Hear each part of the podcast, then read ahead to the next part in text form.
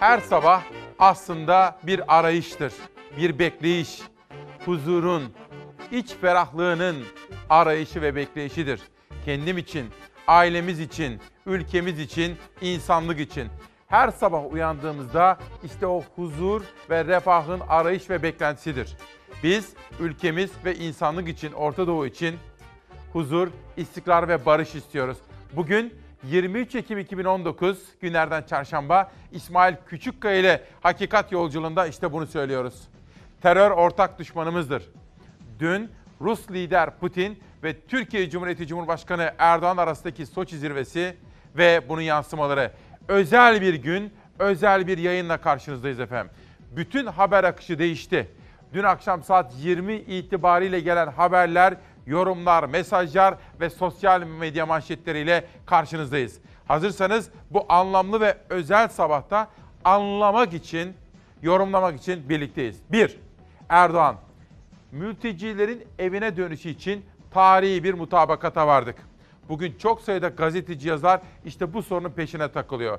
Türkiye'deki 3.6 milyon Suriyeli dünkü mutabakattan ve geçen hafta ABD-Türkiye arasındaki mutabakattan sonra acaba Türkiye'den Suriye'ye geçecek mi?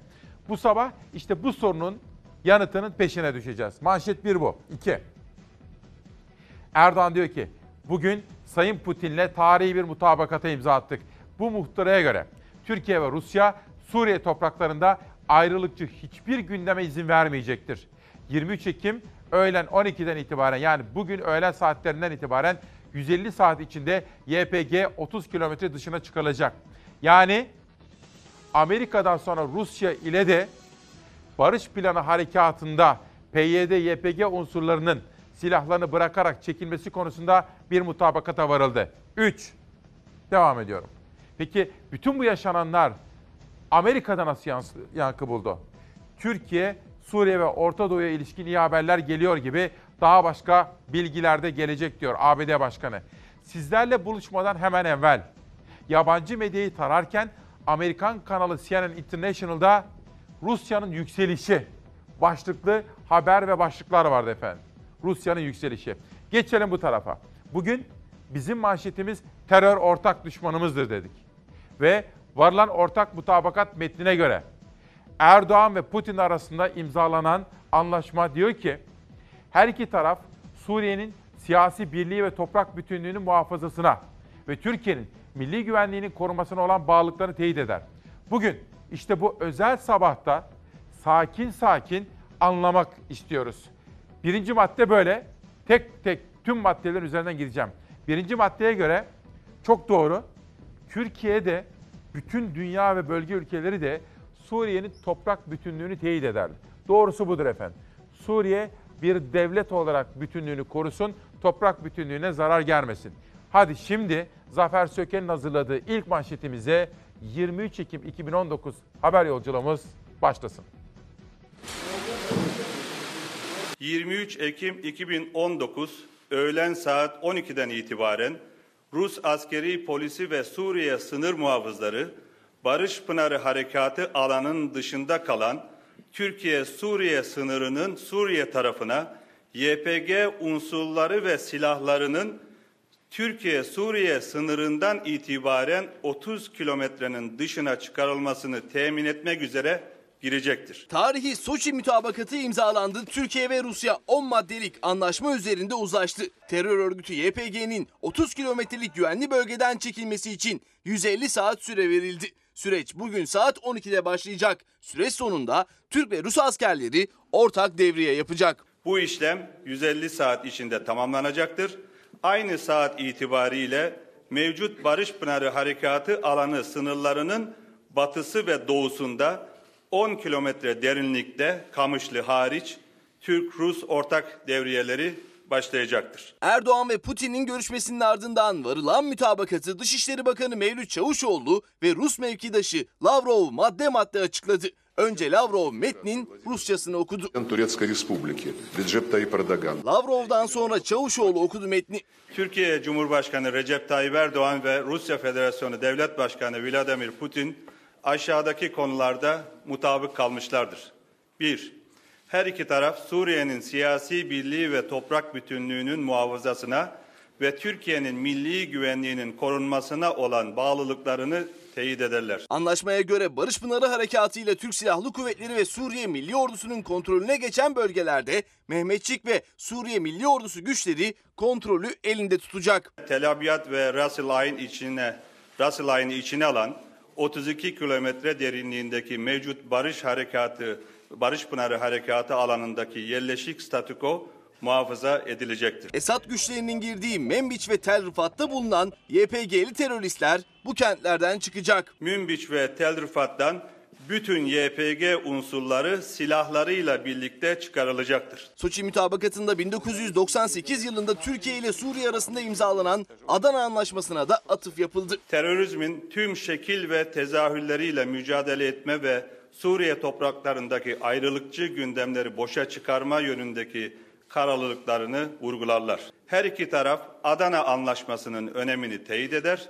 Rusya Federasyonu mevcut koşullarda Adana Anlaşması'nın uygulanmasını kolaylaştıracaktır. Mütabakata göre Türkiye ve Rusya teröristlerle ortak mücadelesini sürdürecek. Güvenli bölgeye Suriyeli mültecilerin dönmesi için çalışmalar yürütecek ve bu mütabakatın uygulama aşamasını iki ülke birlikte denetleyecek. Her iki taraf terörist unsurlarının sızmalarının önlenmesinin temini için gerekli tedbirleri alacaktır. Mültecilerin güvenli ve gönüllü şekilde geri dönmelerini kolaylaştırmak maksadıyla ortak çalışma yapılacaktır. Bu muhtıranın uygulanmasını gözetmek ve koordine etmek amacıyla müşterek bir denetim ve doğrulama mekanizması ihdas edilecektir. Türkiye ve Rusya Suriye'de kalıcı çözüm için birlikte çalışacak. Taraflar Astana mekanizması çerçevesinde Suriye itilafına kalıcı bir siyasi çözüm bulunması amacıyla çalışmalarını sürdürecek ve Anayasa Komitesi'nin faaliyetlerini destekleyecektir. Hayırlı olsun. Bugün özel bir yayın. Terör ortak düşmanımız dedik. Bir, Suriye'nin toprak bütünlüğü teyit edildi ki önemlidir. İki, terörle mücadelede ortak kararlılık teyit edildi, önemlidir.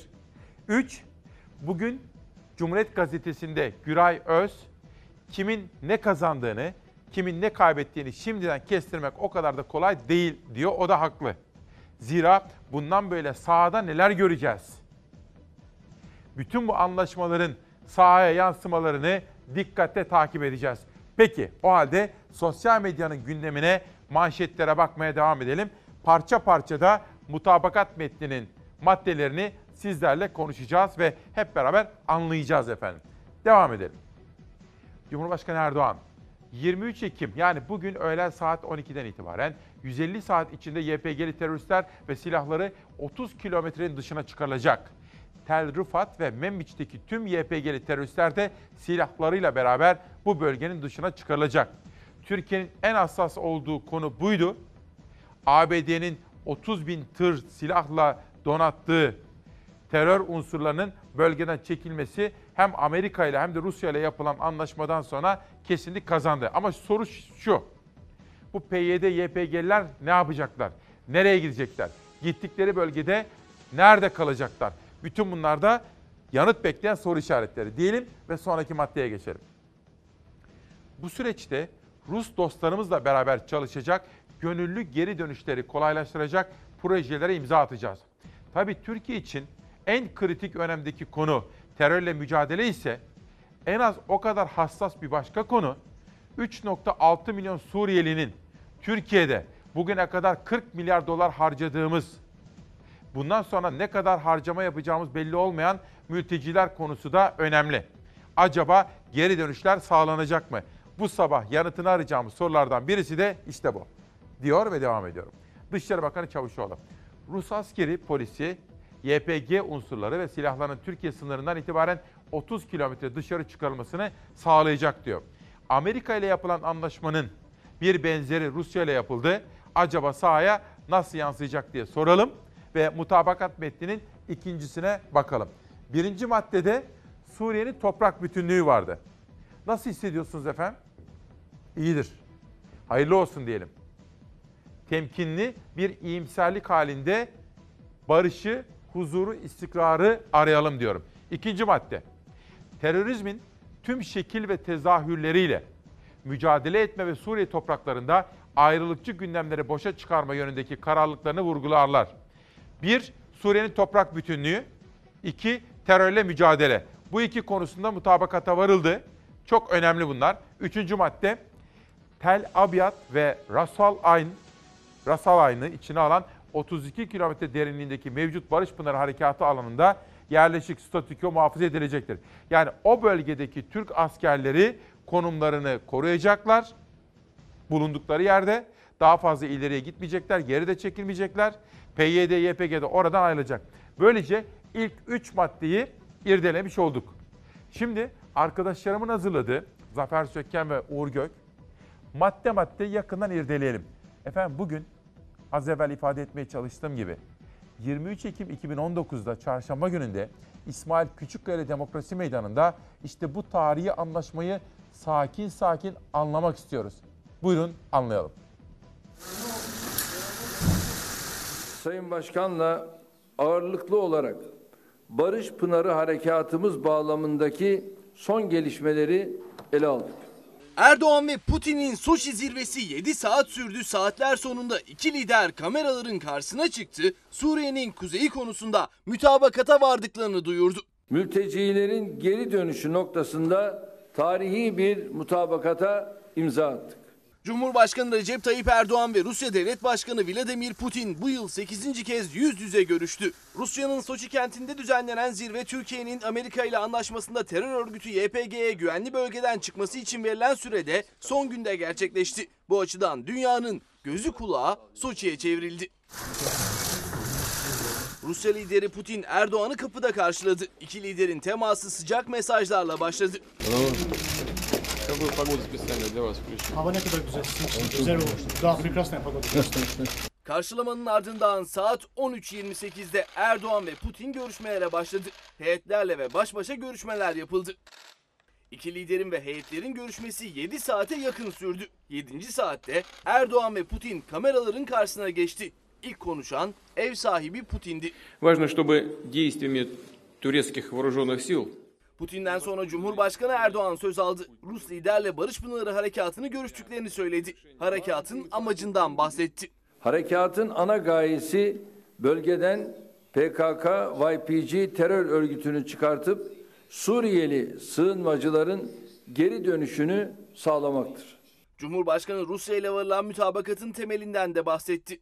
En önemli maddeyi dünyaya duyurdu. Öğlen 12'den itibaren 150 saat içinde YPG'li teröristler ve silahları 30 kilometrenin dışına çıkartılacak. Erdoğan, Türk ve Rus askerlerinin Suriye'nin kuzeyinde ortak devriye yapacağını söyledi. 150 saatin sonunda Barış Pınarı Harekatı alanı sınırlarının batısı ve doğusunda 10 kilometre derinlikte Türk-Rus devriyeleri başlayacaktır. Cumhurbaşkanı Erdoğan terör örgütü YPG'nin çekildiği bölgeye Suriyeli mültecilerin dönmesi için çalışmaların başlatılacağını söyledi. Türkiye ve Rusya işbirliği yapacak dedi. Suriye halkının dostları olarak bu ülkede barış, güvenlik ve istikrarın yeniden hakim olması için tüm gücümüzle çalışmaya devam edeceğiz. Öncelikle 1 milyon akabinde bir bu kadar daha Suriyelinin yerleşeceğine inanıyoruz. Buna dair planlarımızı muhataplarımızla paylaştık. İnşallah uluslararası toplumun da katkı ve desteğiyle bu önemli planı hayata geçireceğiz. Bu süreçte Rus dostlarımızla beraber çalışacak, gönüllü geri dönüşleri kolaylaştıracak projelere imza atacağız. Bu sabah terör ortak düşmanımız dedik. Sizlerden gelen yorumları da okuyorum. Bana yol gösteriyorsunuz. Teşekkür ediyorum. Aklınızda bir takım soru işaretleri var. Yavuz gibi pek çok kardeşim de. Peki mutabakat maddelerinden birine göre terör grupları silahlarıyla beraber 30 kilometre dışarı çıkacak. Bu ne demek? Bu terör örgütlerinin faaliyetlerine başka bölgelerde devam edeceği anlamına gelmez mi? İşte bu da yanıtı merakla beklenen sorulardan bir tanesi. Bir başkası Mehmet Bey. Esad. Evet doğru. Esad Putin'in himayesinde gücünü korudu. Ülkesini savunuyor biliyorsunuz.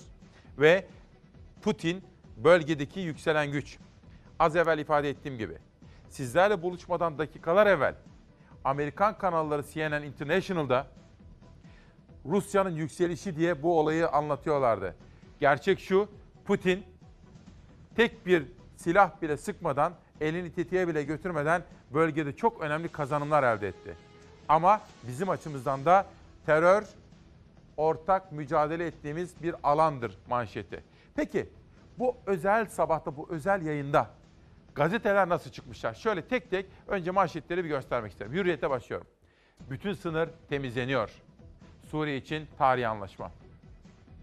Cumhurbaşkanı Erdoğan'la Putin, terör örgütü YPG'nin Türkiye'nin operasyon yaptığı bölgeler dışında kalan tüm alanlardan 30 kilometre içeriye çekilmesi için anlaştı. Türk ve Rus ordusu 10 kilometre derinlikte ortak devreye yapacak diyor. Bu Hürriyet gazetesinin haberi.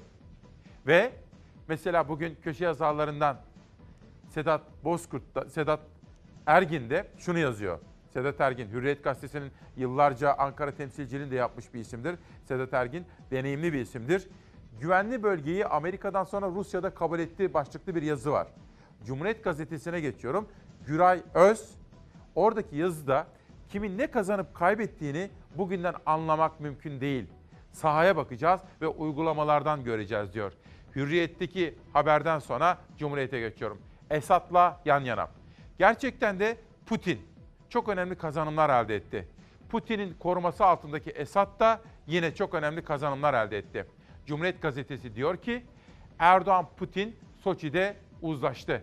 YPG gidecek, Suriye ordusu sınıra yerleşecek. Gazete köşe yazarlarından Deniz Yıldırım ki geçen hafta rahatsızlığı nedeniyle yazamamıştı. Bugün bir yazı kaleme almış ve özellikle güvenli bölge dediğimiz alanda Türkiye'nin yaklaşık 2 milyon Arap nüfusla birlikte bir tampon bölge oluşturmak amacından bahsediyor. Meselenin demografik yani nüfus bölümüne işaret ediyor Deniz Yıldırım akademisyen. Devam edelim bir başka gazeteye.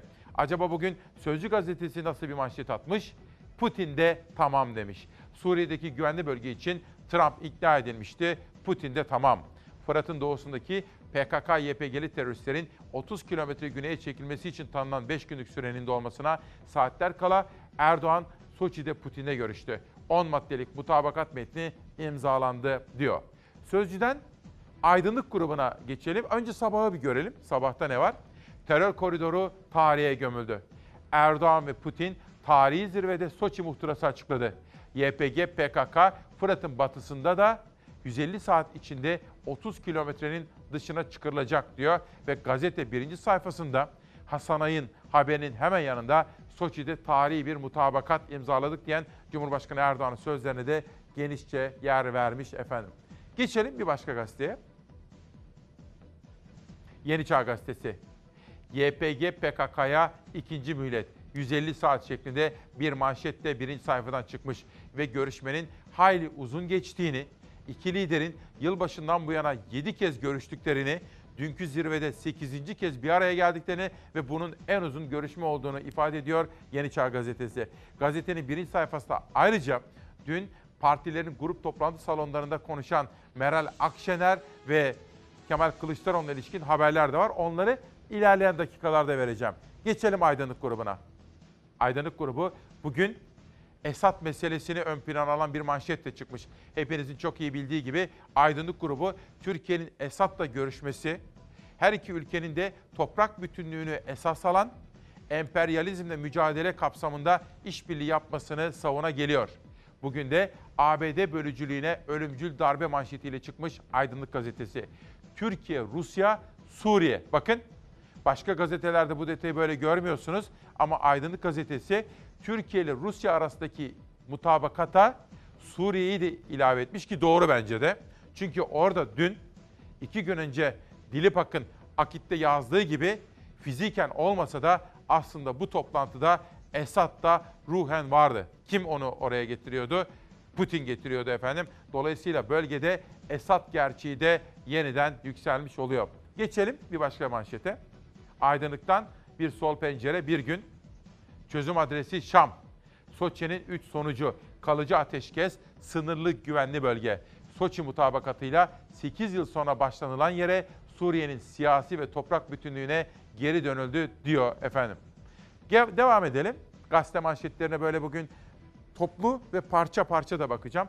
Karar gazetesi de güvenli bölge Soçi'de tamam manşetiyle çıkmış efendim. Devam ediyorum bir başka sıradaki gazeteye.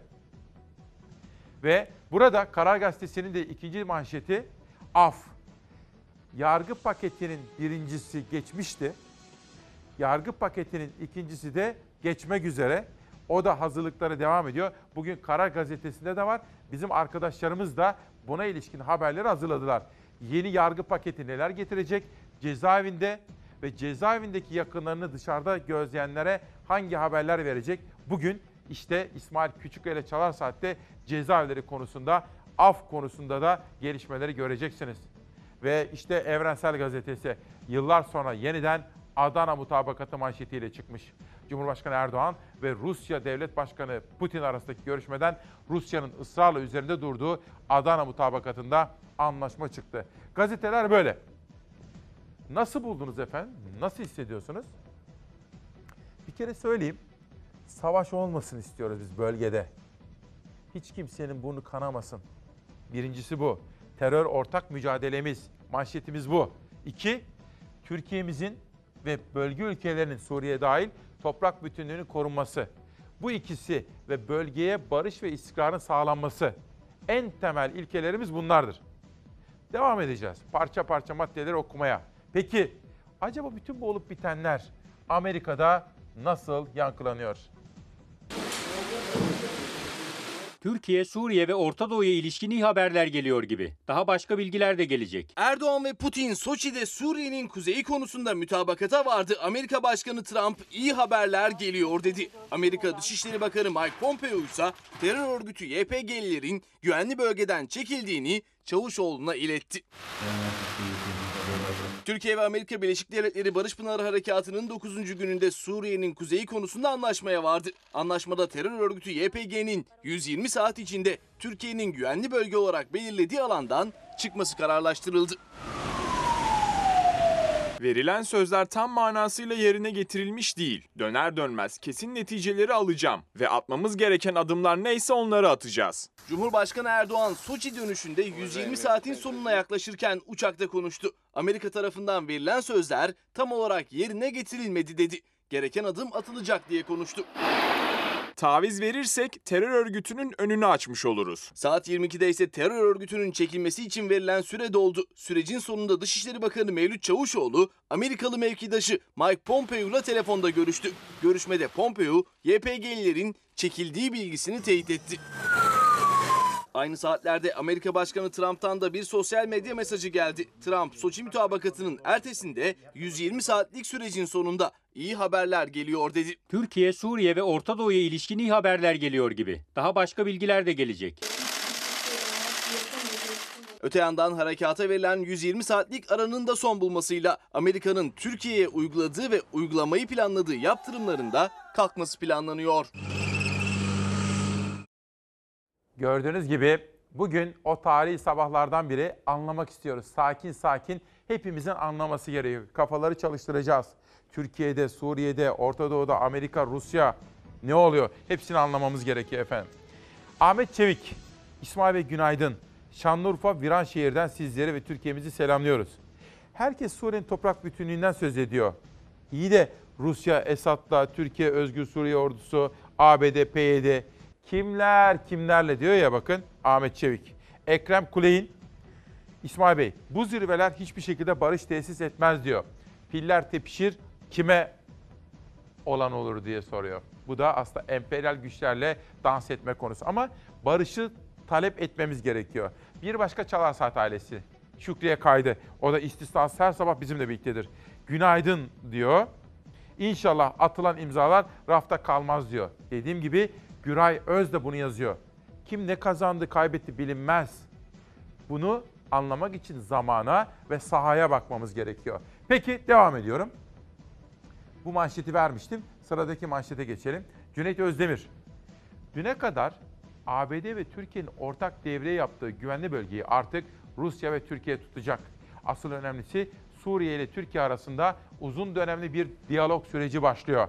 Daha da önemlisi Rusya ile Türkiye arasında ekonomik ve siyasi yeni bir dönem başlıyor. Belki de yeni bir dönem manşetini yapabilirdik. Bakın Suriye ile Türkiye. Esad yönetimiyle bizimkiler arasında bir diyalog. Artı Türkiye ile Rusya arasında yeni bir siyasi dönem.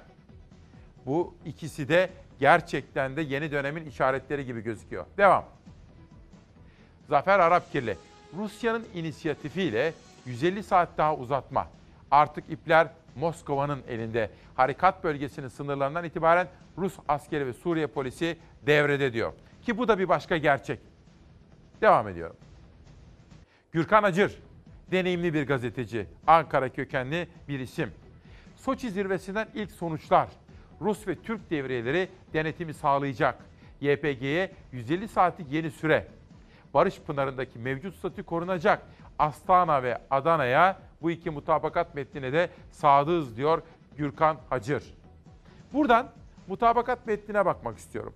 Hatırlayacaksınız ilk maddelerde bir, Suriye'nin toprak bütünlüğü vardı. Güzel. İki, terörle mücadele vardı. O da güzel. Üç, bölgenin istikrarı. Ve devam ediyorum parça parça. Bakın şurası önemli anlaşma metnlerinden bir tanesi. 23 Ekim 2019. Yani bugün. Öğlen saat 12'den itibaren Rus askeri polisi ve Suriye sınır muhafızları Barış Pınarı harekat alanının dışında kalan Türkiye-Suriye sınırının Suriye tarafına YPG unsurları ve silahlarının Türkiye-Suriye sınırından itibaren 30 kilometrenin dışına çıkarılmasını temin etmek üzere girecekler. Bu işlem 150 saat içinde tamamlanacak. Hepinizin çok iyi hatırlayacağı gibi Erdoğan'la Amerikalılar arasındaki mutabakatta 120 saatlik bir süre verilmişti. Bu kez Erdoğan'la Putin arasındaki mutabakatta 150 saatlik bir süre veriliyor geri çekilmeleri için. Aynı saat itibariyle mevcut Barış Pınarı Harekat Alanı sınırlarının batısı ve doğusunda 10 kilometre derinlikte Kamışlı şehri hariç Türk-Rus ortak devriyeleri başlayacaktır diyor. Yukarıda bir başka madde efendim. Bakın bu da 6. madde.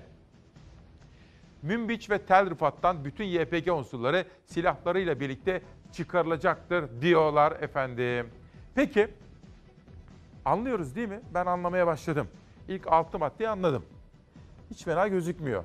Memlekete ve Orta Doğu'ya barış getirmesi umuduyla, kan dökülmemesi umuduyla, terörle mücadelede başarı sağlaması umuduyla hayırlı olsun diyelim. Ve asıl önemlisi şu. Dün akşam saat 22 itibariyle Amerika ile yaptığımız anlaşma uyarınca PYD, YPG terör unsurlarına tanıdığımız süre dolmuştu. Saat 22'den itibaren Barış Pınarı Harekatı kaldığımız yerden devam edecek miydi? Dün en fazla yanıta aranan soru işte buydu.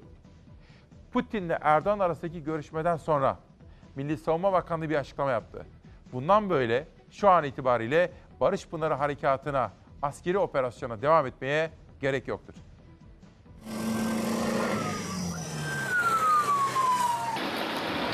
Barış Pınarı Harekatı'na verilen 120 saatlik ara sona erdi. Rusya ile Soçi mütabakatı imzalandı.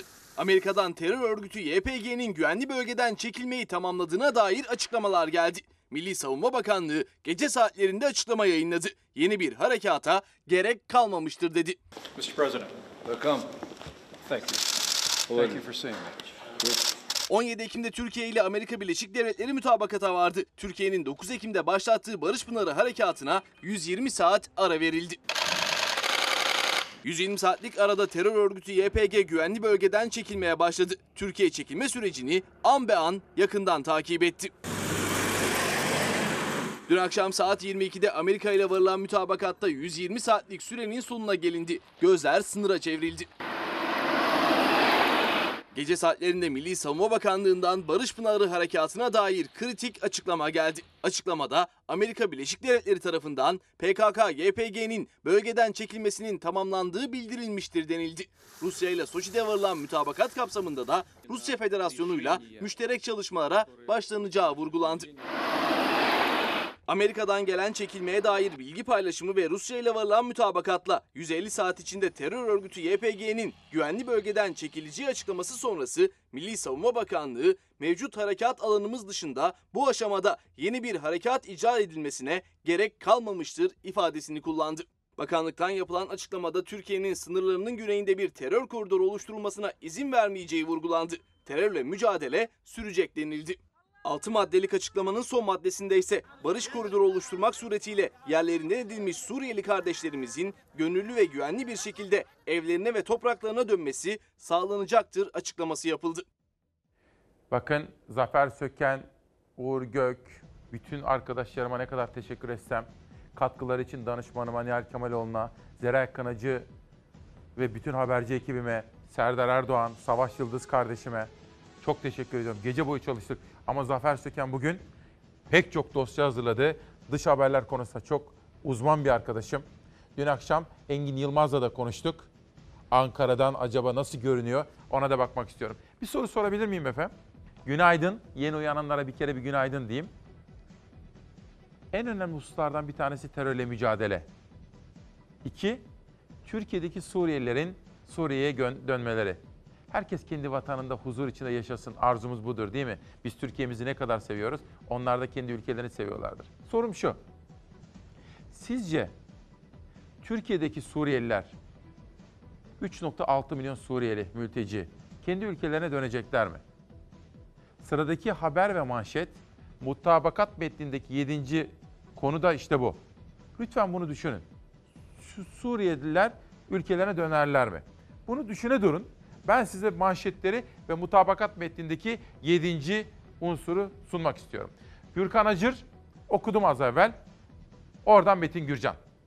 Soçi'nin sonucu yani dünkü zirveden ortaya çıkan sonuç Metin Gürcan'a göre. ABD ile Suriye kuzeyinde yapamadıklarımızı şimdi Rusya ile yapmaya çalışacağız. Tam bir görüş birliği yok. Tam bir görüş birliği yok ama sahada verilen sözleri test edeceğiz. Putin'in hiç detaya girmemesi çok ilginçti diyor. Az evvel bir izleyenim de beni eleştiriyor. Beni yanlış tanıyor. Diyor ki ya şöyle gürül gürül başarıdır bu desene diyor. Arkadaş çok isterim ama biz öyle değil. Biz soğukkanlı, sakin. Olayın artılarını da eksilerini de soru işaretleri de söylememiz gerekiyor. Ama bizim ülkemiz için en önemli husus terörle mücadele. Manşetimiz budur. Terör ortak düşmanımızdır. Ama sahadaki yansımalara bakmalıyız. Neden? Çünkü efendim gazeteci goygoycu olamaz. Gazeteci yandım olamaz. Bittik olamaz. Yaşasın o da olamaz. Gazeteci dediğin yalın ve nesnel sade bir dille anlamaya ve anlatmaya çalışır. Ülkesinin ve insanlığın gelişmelerini dikkate takip eder. Geldik şuraya. Bu da 7. madde. Her iki taraf yani Rus ve Türk tarafları terörist unsurların sızmalarının önlenmesini temin için gerekli tedbirler alacaklardır. Bu da bizim hassasiyet ile takip ettiğimiz önemli konulardan biri. Geçelim 8. maddeye. Mültecilerin güvenli ve gönüllü şekilde geri dönüşlerini kolaylaştırmak maksadıyla ortak çalışma yapılacaktır. İşte burası. Terörle mücadele ne kadar önemliyse Suriye'deki mültecilerin kendi ana yurtlarına dönmeleri ve Türkiye'nin bu konudaki inisiyatifi de o kadar önemlidir. Ne dersiniz efendim? Türkiye'deki Suriyeliler kendi vatanlarına dönecekler mi? Harekatın ana gayesi bölgeden PKK, YPG terör örgütünü çıkartıp Suriyeli sığınmacıların geri dönüşünü sağlamaktır. Bu harekat aynı zamanda bölücü terör tehdidini ortadan kaldırarak Suriye'nin toprak bütünlüğünü ve siyasi birliğini de garanti altına almaktadır. Bizim hiçbir zaman ülkenin toprağında, egemenliğinde gözümüz yoktur. Türkiye olarak şimdiye kadar sahada attığımız bütün adımları hassasiyetle attık. Fırat Kalkanı ve Zeytin Dalı harekatlarıyla 4000 kilometre karelik alanı teröristlerden temizledik. Ülkemizin güvenli hale getirdiği bölgeye 365 bin Suriyeli gönüllü olarak geri döndü. Biz 350 bini Kürt, 3 milyon 650 bin Suriyeli kardeşine son 8,5 yıldır kucak açan bir ülkeyiz bir milletiz. Artık bu kardeşlerimizin vatan hasretini dindirecek adımları atmamız gerekiyor. Barış Pınarı Harekatı'nın bir diğer önemli hedefi işte bunu temin etmektir. Harekatla güvenli hale getireceğimiz alana öncelikle 1 milyon akabinde bir bu kadar da Suriyelinin yerleşeceğine inanıyoruz. Buna dair planlarımızı muhataplarımızla paylaştık. İnşallah uluslararası toplumun da katkı ve desteğiyle bu önemli planı hayata geçireceğiz. Bu süreçte Rus dostlarımızla beraber çalışacak, gönüllü geri dönüşleri kolaylaştıracak projelere imza atacağız.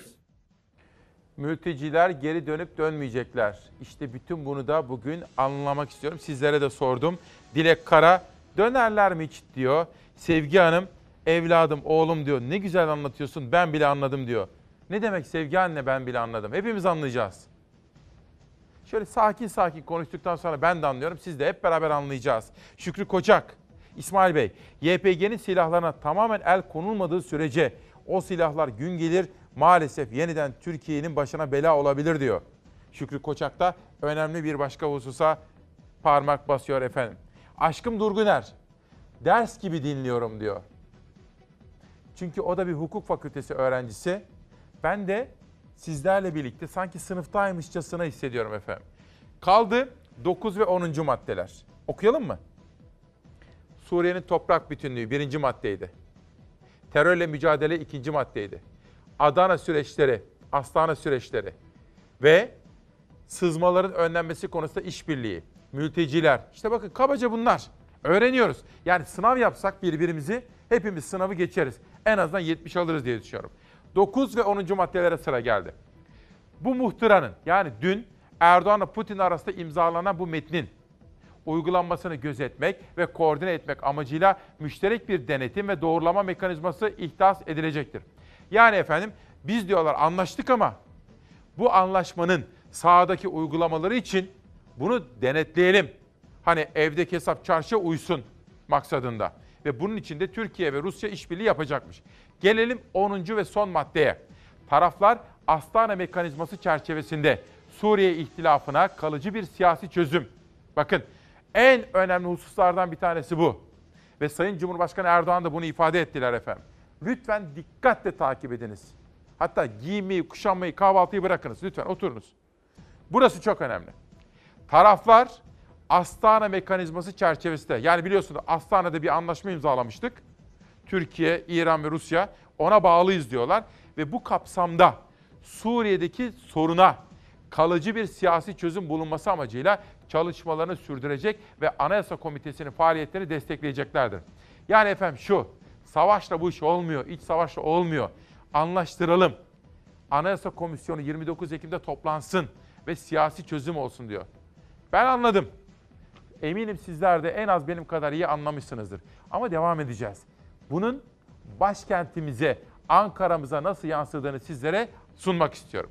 Onun için dün akşam Ankara Haber Müdürümüz Engin Yılmaz'la bir konuşma gerçekleştirdik ve kendisini saat 8'de yayına davet ettik. Biraz sonra kendisiyle de konuşacağım. Ama önce Gaziantep'imize geçmişler olsun diyebilir miyim efendim?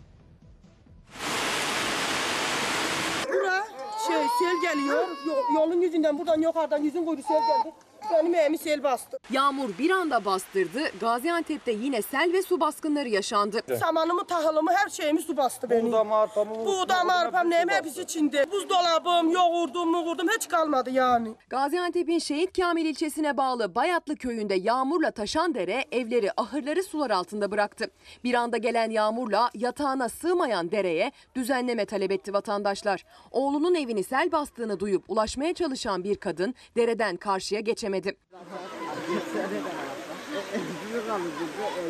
83 yaşındaki Esma Şıvak, derenin diğer tarafındaki oğlunun evine ulaşmak için dereden geçmek istedi ama başaramadı. Yaşlı kadını ekipler geçirdi karşıdan karşıya. Biz devletten sadece bir yol istiyoruz. Başka, bir şey istemiyoruz. Köyün kadınları ise her yağmurda benzer zorlukların yaşandığını anlattı. Dere üzerine köprü, köylerine yol istediler. Ya köprü kursunlar. Bizim bizim evimize ne bir araba geliyor doğru düz ne bir itfaiye geliyor ne ambulans geliyor geçemiyor. Yolumuz yok. Biz köprü istiyoruz. Burada yol istiyoruz. Çocuk, çoluk çocuğumuzu okula gönderemiyor.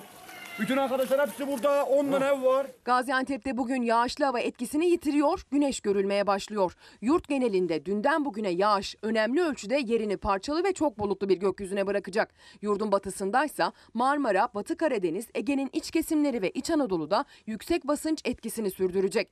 Günün özellikle ilk ve serin saatlerinde yüksek basınç sisli havaya neden olabilir.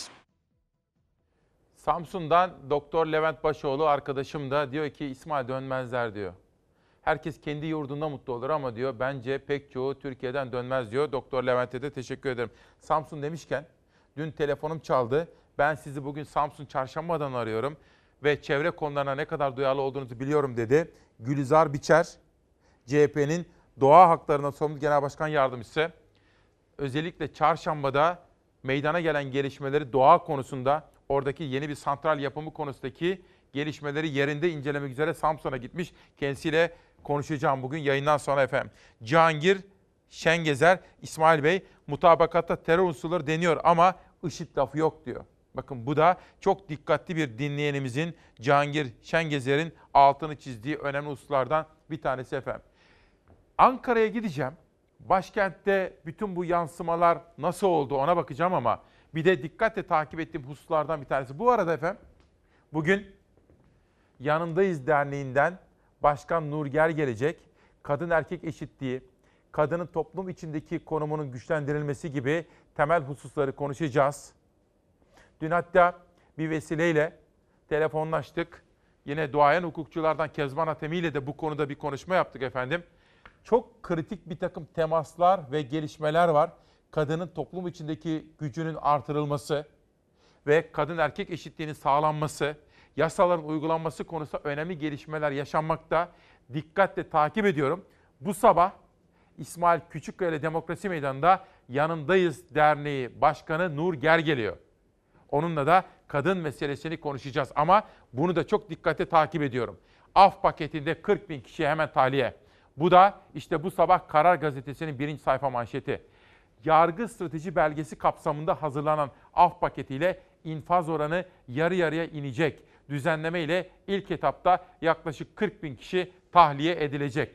Pek çok kesimin dikkatle takip ettiği bu özel husus bugün ve bu hafta boyunca gündemimizde olacak yargı reformu belgemizi açıkladı. Başlangıçta ikinci yargı paketinin içinde yer alması planlanıyordu ancak sürecin uzamaması için ayrı bir düzenleme üzerinde çalışılıyor. Herkesin merakla beklediği infaz indirimi düzenlemesinin yılbaşından önce meclisten geçirilmesi konuşuluyor. Bunu hayata koymak üzere çok büyük bir kararlılık var. Birinci yargı paketinin kabul edilmesinin ardından gözler infaz indirim düzenlemesine çevrildi.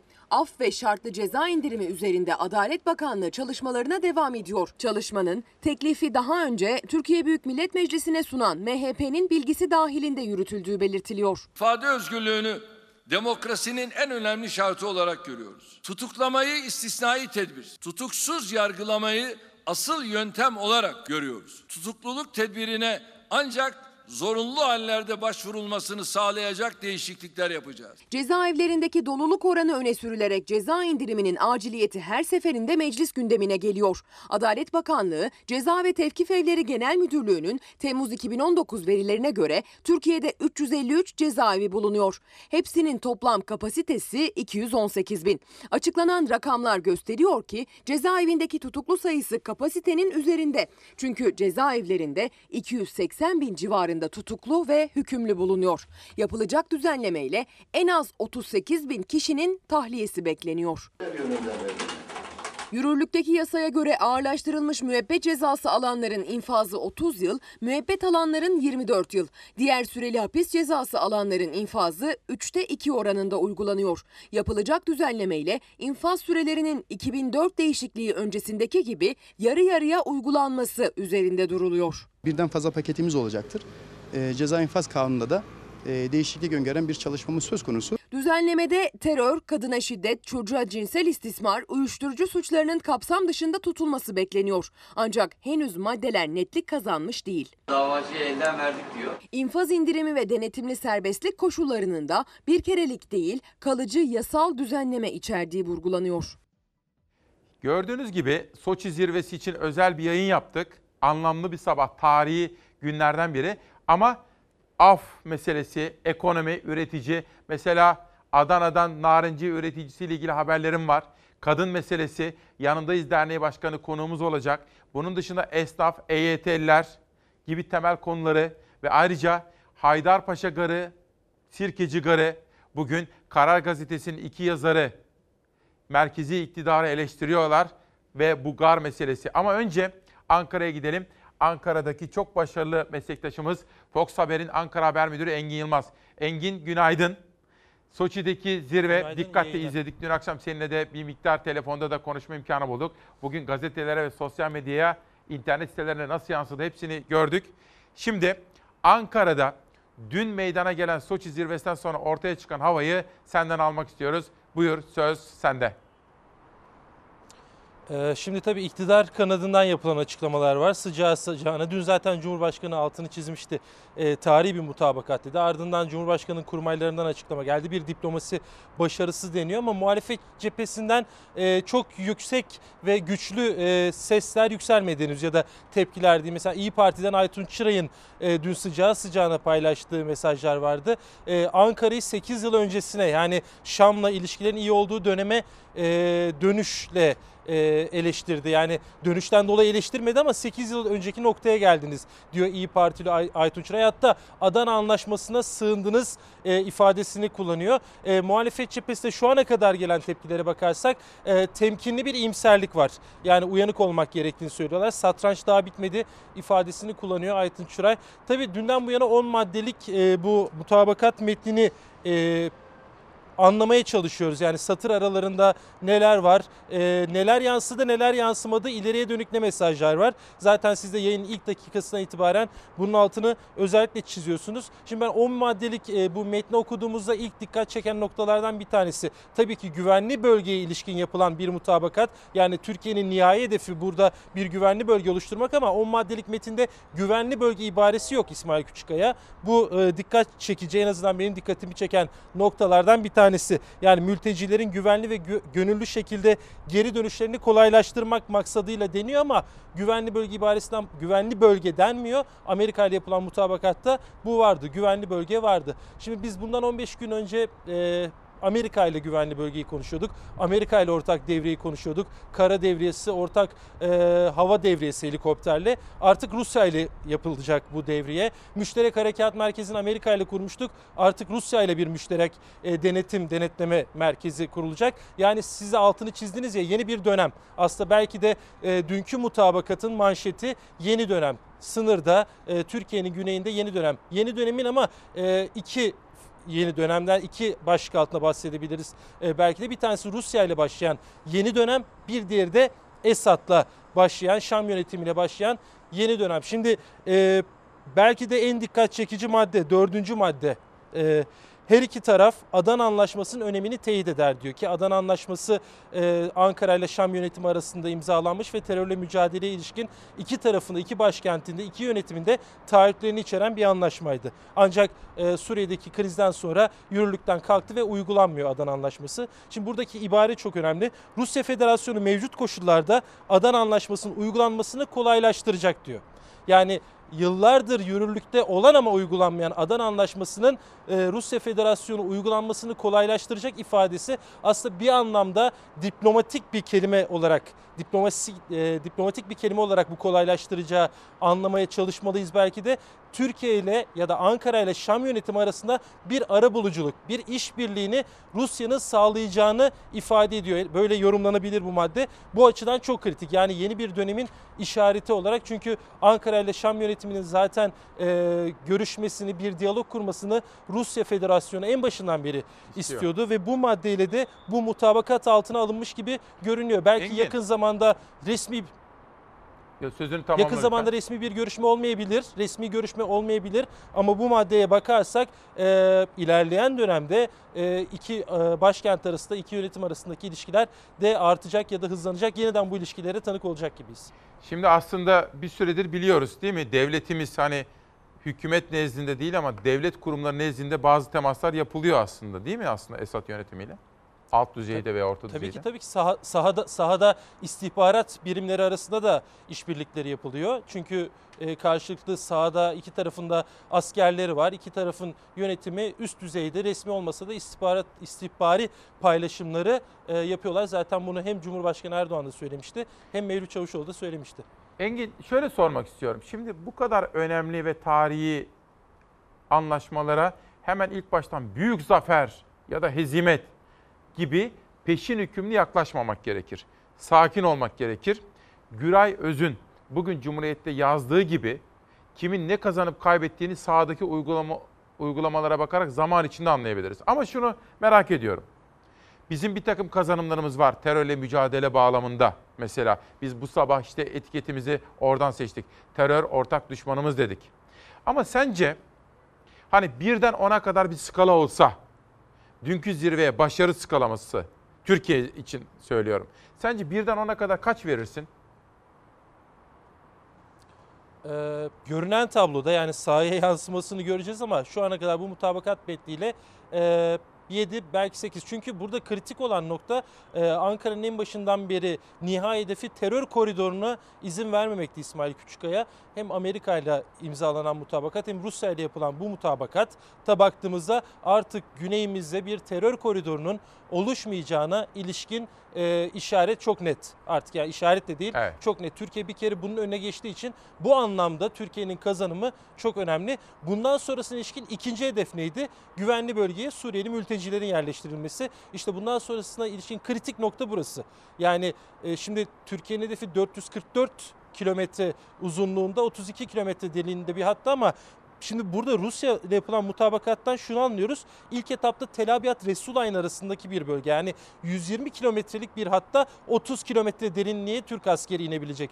Diğer alanlarda yani Kamışlı, Menbiç, Kobmari, diğer Rusya ile yapılan mutabakat çerçevesindeki bölgelerde Türk askerinin 30 kilometre derinliğe inmeyeceğini anlıyoruz. 10 kilometrelik hatta Rusya ile devreye yapacak. Yani Peki. e, 10 üzerinden verdiğimiz puan bu. İlerleyen safhada atılacak adımlarla ya da yeni gelişmelerle artabilir ama e, çok belki süremiz yok ama bir şeyin altını çizmek Tabii, gerekiyor. lütfen. Kamışlı anlaşma dışı Kamışlı anlaşma dışında bırakıldı. Yani neden sorusu akıllara gelebilir. O hatta neden Kamışlı'da ortak devreye yapılmayacak? Kamışlı'nın şöyle bir özelliği var. Suriye bölgeden çekildikten sonra YPG o alanlara girdi terör örgütü ama Kamışlı'dan tam olarak Suriye ordusu çekilmedi. Orada havalimanı hala Suriye rejiminin kontrolündeydi. Devlet kurumları Suriye rejiminin kontrolündeydi. Orada Suriye bayrağı da e, dalgalanıyordu. O yüzden Kamışlı'nın merkezinde bir ortak devriye konusunda mutabakat içine alınmadı. O Kamışlı bu yüzden e, devre dışında bırakıldı ama YPG'liler yine o teröristler yine Kamışlı'dan e, ayrılacaklar. Bu da anlaşmanın içindeki noktalardan bir tanesi. Peki Engin. Ankara Haber Müdürümüz Engin Yılmaz'a çok teşekkür ediyorum. Son derece yalın bir şekilde özetledi efendim. Ve birden 10'a kadarlık başarı skalasında kaç verirdin dedim. 7 veririm dedi ama sahadaki yansımasına bakarak bu puan artabilir dedi efendim. Siz kaç verirdiniz? Şöyle bir gelişmeyi özetledik. Madde madde bak- baktık. Efendim bu konuyu şimdilik Şimdi bir tarafa bırakalım. İkinci gündem maddelerini vermek istiyorum. İkinci gündemde neler var? Bir, ekonomi var. Üretici, esnaf. Mesela Adana'dan gelen haberler var mandalina. Af haberini sundum. İkinci bölümde buna ilişkin başkaca detaylar olursa onları da aktarmak istiyorum. Kadın meselesi, kadın erkek eşitliği. Nurger, Yanındayız Derneği biraz sonra burada olacak. Kitap tanıtımlarımızla devam edeceğiz. Ve genç çocuklarımızın dünyanın öbür tarafında kazandıkları başarılardan da bahsedeceğim. Ama izin verirseniz şimdilik bu gündemi bir tarafa bırakalım. Dün sizlere söz verdiğim gibi İzmir Belediye Başkanı Tunç Soyer'i aradım. Önce kurmaylarıyla konuştum. Sonra kendisiyle konuştum.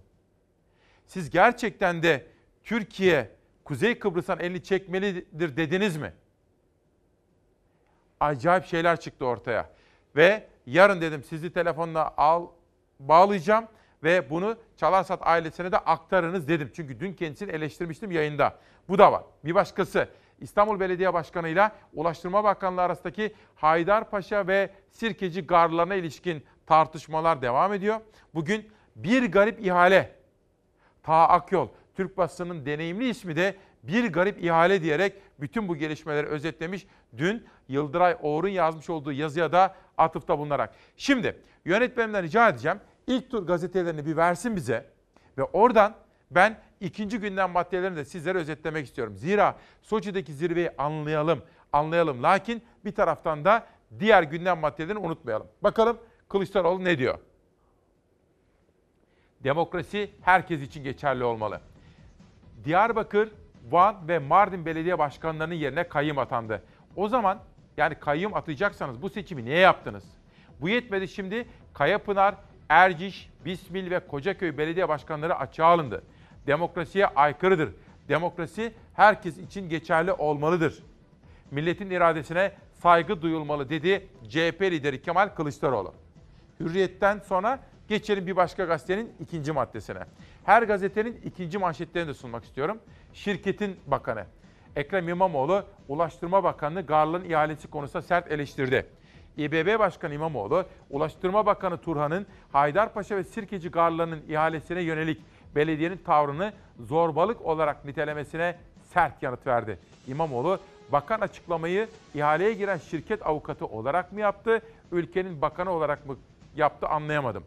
Soru şu.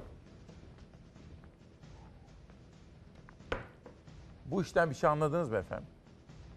Bugün ta Akyol'unda o deneyimli gazetecinin de yazdığı gibi bir tuhaflık yok mu bu işte? Yani şu. Haberi izlerken bunu da düşünün ki zihin jimnastiği yapalım. İleride Alzheimer falan olmayalım yaşlandığımızda da. Düşünelim yani. Daha düne kadar belediyede çalışan bir işçi 3 bin lira maaş ile sonra Okçular Vakfı'nda görev alıyor. Vakıfla bir teşriki mesaisi oluyor. Yani orada çalışmaları oluyor. Sonra devletin açtığı bir ihaleye giriyor. Ulaştırma Bakanlığı'nın 20 milyon lira teknik donanım cihaz gerekli dediği şartları yerine getiriyor bir kişi, o kişi. Ne kadar vergi verdi, bugüne kadar neler yaptı o ortada. Bu hızlı yükseliş nasıl oldu o ortada. Fakat bütün bunları geçelim. Olabilir. Çok beceriklidir. Var ya yetenekli Bay Ripley. Olabilir. Ama soru şu.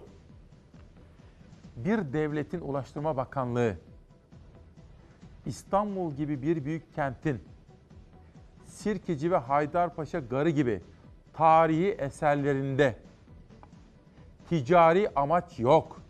Ticari olarak kullanamayacaksınız. Sit alanı olduğu için çivi bile çakamayacaksınız. Yalnızca kültürel ve sanatsal faaliyetlerde bulunacaksınız. Şartlar bu kadar ortada iken bir şahıs nasıl olur da ihalede yeterli bulunur ve o şahıs yeterli bulunurken nasıl olur da dünyanın en büyük belediyelerinden birisinin iştirakleri o ihaleye yeterli bulunmaz ve sokulmaz. Ben bunu anlayamadım. Bu yaptıklarınıza çok utanacaksınız Sayın Bakan. Ekrem İmamoğlu yine çok sert konuştu. Hedefinde gar ihaleleriyle ilgili açıklama yapan Ulaştırma Bakanı Cahit Turhan vardı. Kamunun yüksek kazanç elde etmesinden bir rahatsızlık mı duymaktadır? 350 bin lira kira vermeyi teklif eden şirket yerine 100 bin lira teklif eden ortak girişime bu ihaleyi verse hukuki ve meşru davranmış olur mu? Sayın Bakan'ın yaptığı açıklama ne yazık ki ve ne acı ki e, bu ihaleye giren malum şirketin avukatı mı yaptı yoksa Türkiye Cumhuriyeti'nin bakanı mı yaptı ben anlayamadım. Haydarpaşa ve Sirkeci garlarının depo alanlarının kiralanması ihalesi İstanbul Büyükşehir Belediyesi ile Ulaştırma Bakanlığı'nı karşı karşıya getirdi. İhaleyi Bilal Erdoğan'ın kurduğu Okçular Vakfı'nın eski genel müdürlüğünü yapan Hüseyin Avni Önder'in şirketi kazandı. İki yıl önce 10 bin lira sermaye ile kurduğu o şirketin sermayesi ihaleden önce 1 milyon liraya yükseltildi. Son gün ve son saatte belediye ihaleden men edildi ve ihaleyi yapan Ulaştırma Bakanı'nın ihaleyi kazanan Önder'le fotoğrafı çıktı. Sizin makamınızda çekildiğiniz o fotoğraf çok anlamlı hale gelmiştir. Şaibeyi çok daha büyütmüş durumdasınız. Yazıktır, günahtır. Millete özür borcunuz var. Türkiye Cumhuriyeti Devlet Demiryolları neyi, nasıl, niçin ve ne kadar süreyle yapması gerektiğini tabi olduğu mevzuat usullerine uygun yapmıştır. Sayın Belediye Başkanı'nın ülkemizin saygın kuruluşlarından Türkiye Cumhuriyeti Devlet Demiryolları'nın itibarını zedelemeye kalkmasındaki maksadı nedir? Yaptığınız işlerden, kazalardan zedelediniz zaten. Ama daha büyük zedeleme Türkiye Cumhuriyeti Devlet Demiryolları'nın tarihi, en tarihi iki simgesini bilmediğiniz birine vermeyi tercih ederek büyük bir zedelemeyi siz yapıyorsunuz. Ulaştırma Bakanı Turhan, İmamoğlu'nun gerçekleri saptırarak toplumu galeyana getirmeye çalıştığını da öne sürdü. Toplumu aslında tavır, davranış ve açıklamalarıyla galeyana getirmeye çalışan kendisi ama İstanbul halkı hakkını sonuna kadar nasıl arayacağını iyi bilirler. İyi Parti Genel Başkanı Meral Akşener'in de gündemindeydi ihale tartışmaları. Ulaştırma Bakanı'nı sert sözlerle eleştirdi. 3 bin lira maaşla çalışan birine 2 yılda bu milyonları nereden buldun kardeşim diye sorar mı? Ee, sormaz tabii. Geçtim kendi evlatlarını, arkadaşlarını bile iki yılda milyoner yapar. Birilerinin gözü yine rantta. Haram olsun, zıkkım olsun. Allah aşkınıza söyleyin efendim. Yani bir şahıs düne kadar belediyenin kadrolu bir şahsı elenmiyor.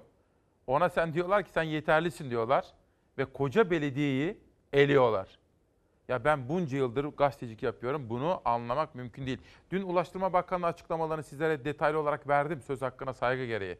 Haklı bulduğum yer- yerler de vardı ama bakın bu olmaz. Ayrıca adama şunu sorarlar efendim. Bakın bir soru var da onu da söyleyeceğim ama. Şimdi Allah aşkınıza düşünün. Orası sit alanı. Ulaştırma Bakanlığı açıklıyor. Ticareten de kullanamazsınız. Bakın ticareten kullanılabilse anlarım. Der ki ben belediyeden daha iyi ticari faaliyet gösterebilirim der birisi. Anlarım onu. Hiç ben o zaman müdahale etmem. Ama ticari faaliyet yok. Ve bir şahıs gelecek İstanbul Belediyesi'nin 300 bin, 100 bin lira verebildiği yere, çünkü ticari yok, ticari faaliyet olmayacak. Belediye diyor ki tamam ben 100 bin lira kira vereyim diyor. Koca belediye 100 bin lira verebilirim diyor, bir hesap kitap yapıyor. Fakat bir şahıs 300 bin lira veririm diyor. Ya bunu bir sordular mı, araştırdılar mı? Fizibilitesine baktılar mı? Yapılabilirliğini gördüler mi?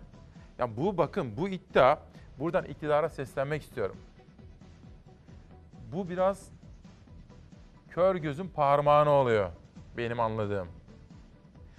Yalın bir şekilde, sakin bir şekilde, inatlaşmadan bu yapılanları irdeleyin, sorun sorgulayın. Şık bir şey mi? Halkımız bunu nasıl algılar? Lütfen diyorum. Bu konuyu takip edeceğim. Ve işte Ankara'dan bir kitap geldi. Kızı yolladı bana. Profesör Doktor Ziya Gökalp Mülayim. Kooperatifçilik. Dün de Atatürk ve kooperatifçilik konulu kitabı sizlere anlatma imkanı bulmuştum. Ve Murat Meriç iki ciltlik bir kitap yazmış. İçinde müziğe ilişkin çalışmalar var. Murat Meriç'in iki ciltlik kitabında ve Perçin İmrek'te 3 ayrı kitabını imzalayarak bana yollamış. Bu kitabında da topluluk önünde konuşma hikayeleri demiş efendim. Bugün de çok farklı kitaplardan alıntılar yapacağım. Peki gelelim gazetelerin ikinci tur manşetlerine. Ha bana da bir soru vardı. Almanya'dan bizi izleyen Sevda Şimşek diyor ki siz Engin Bey'e sordunuz. Peki siz kaç verirdiniz? Hani dedim ya Engin'e birden ona kadar skala olsa Erdoğan'la Putin arasındaki anlaşma ve mutabakata kaç verirdin? Ben de 7 verirdim. İnanın. Çünkü terörle mücadele önemli. Harekatın devam etmeyecek olmasını da önemli sayıyorum kazanımlarımızla birlikte. Fakat soru işaretleri de var. Onları da sakin sakin irdeleyeceğiz bugün ve bundan sonra. Ama dün itibariyle bence 6,5-7'lik bir başarı var orada. Onu da söyleyelim. Devam ediyoruz. Başak Kaya. 15 Temmuz paraları nerede? FETÖ'nün 15 Temmuz 2016'daki darbe girişiminde şehit ettiği vatandaşlar için toplanan 309 milyon liranın ne olduğunu soruyor Kemal Kılıçdaroğlu. Dün partinin grup salonunda o paralar nereye gitti diye soruyor. Başak Kaya da onu haberleştirmiş. Geçelim bir başka gazetenin ikinci manşetine. Sabah gazetesi. İlk ilk manşetleri size sunmuştum. Burada Soçi'de tarihi bir mutabakat imzaladık şeklindeki haberde yine sabahta birinci sayfada vardı. Yeni Çağ'ın ikinci manşetinde iki siyasinin açıklamaları. Meral Akşener İncirli'ye Küreci'ye kilidi vur. Hani diyor ki boş boş konuşmayın diyor. Somut adımlar atın. Madem bize hakaret edildi, e İncirli'yi kapat o zaman. Kürecik askeri üssünü kapat diyorlar efendim. Aynı şekilde CHP lideri Kılıçdaroğlu da aslan kesilesin isterdim diyor. Yani Trump'ın Türkiye Cumhuriyeti Cumhurbaşkanı'na yapmış olduğu ifadeler vardı efendim. O ifadeler yalnızca bizim Cumhurbaşkanımıza değil, bana ve size de hakaret kapsamındaydı. Acaba gereken yanıt verildi mi? Allah aşkına söyler misiniz ya? Bu mektubu nasıl hazmettiler? Nasıl içlerine sindirdiler?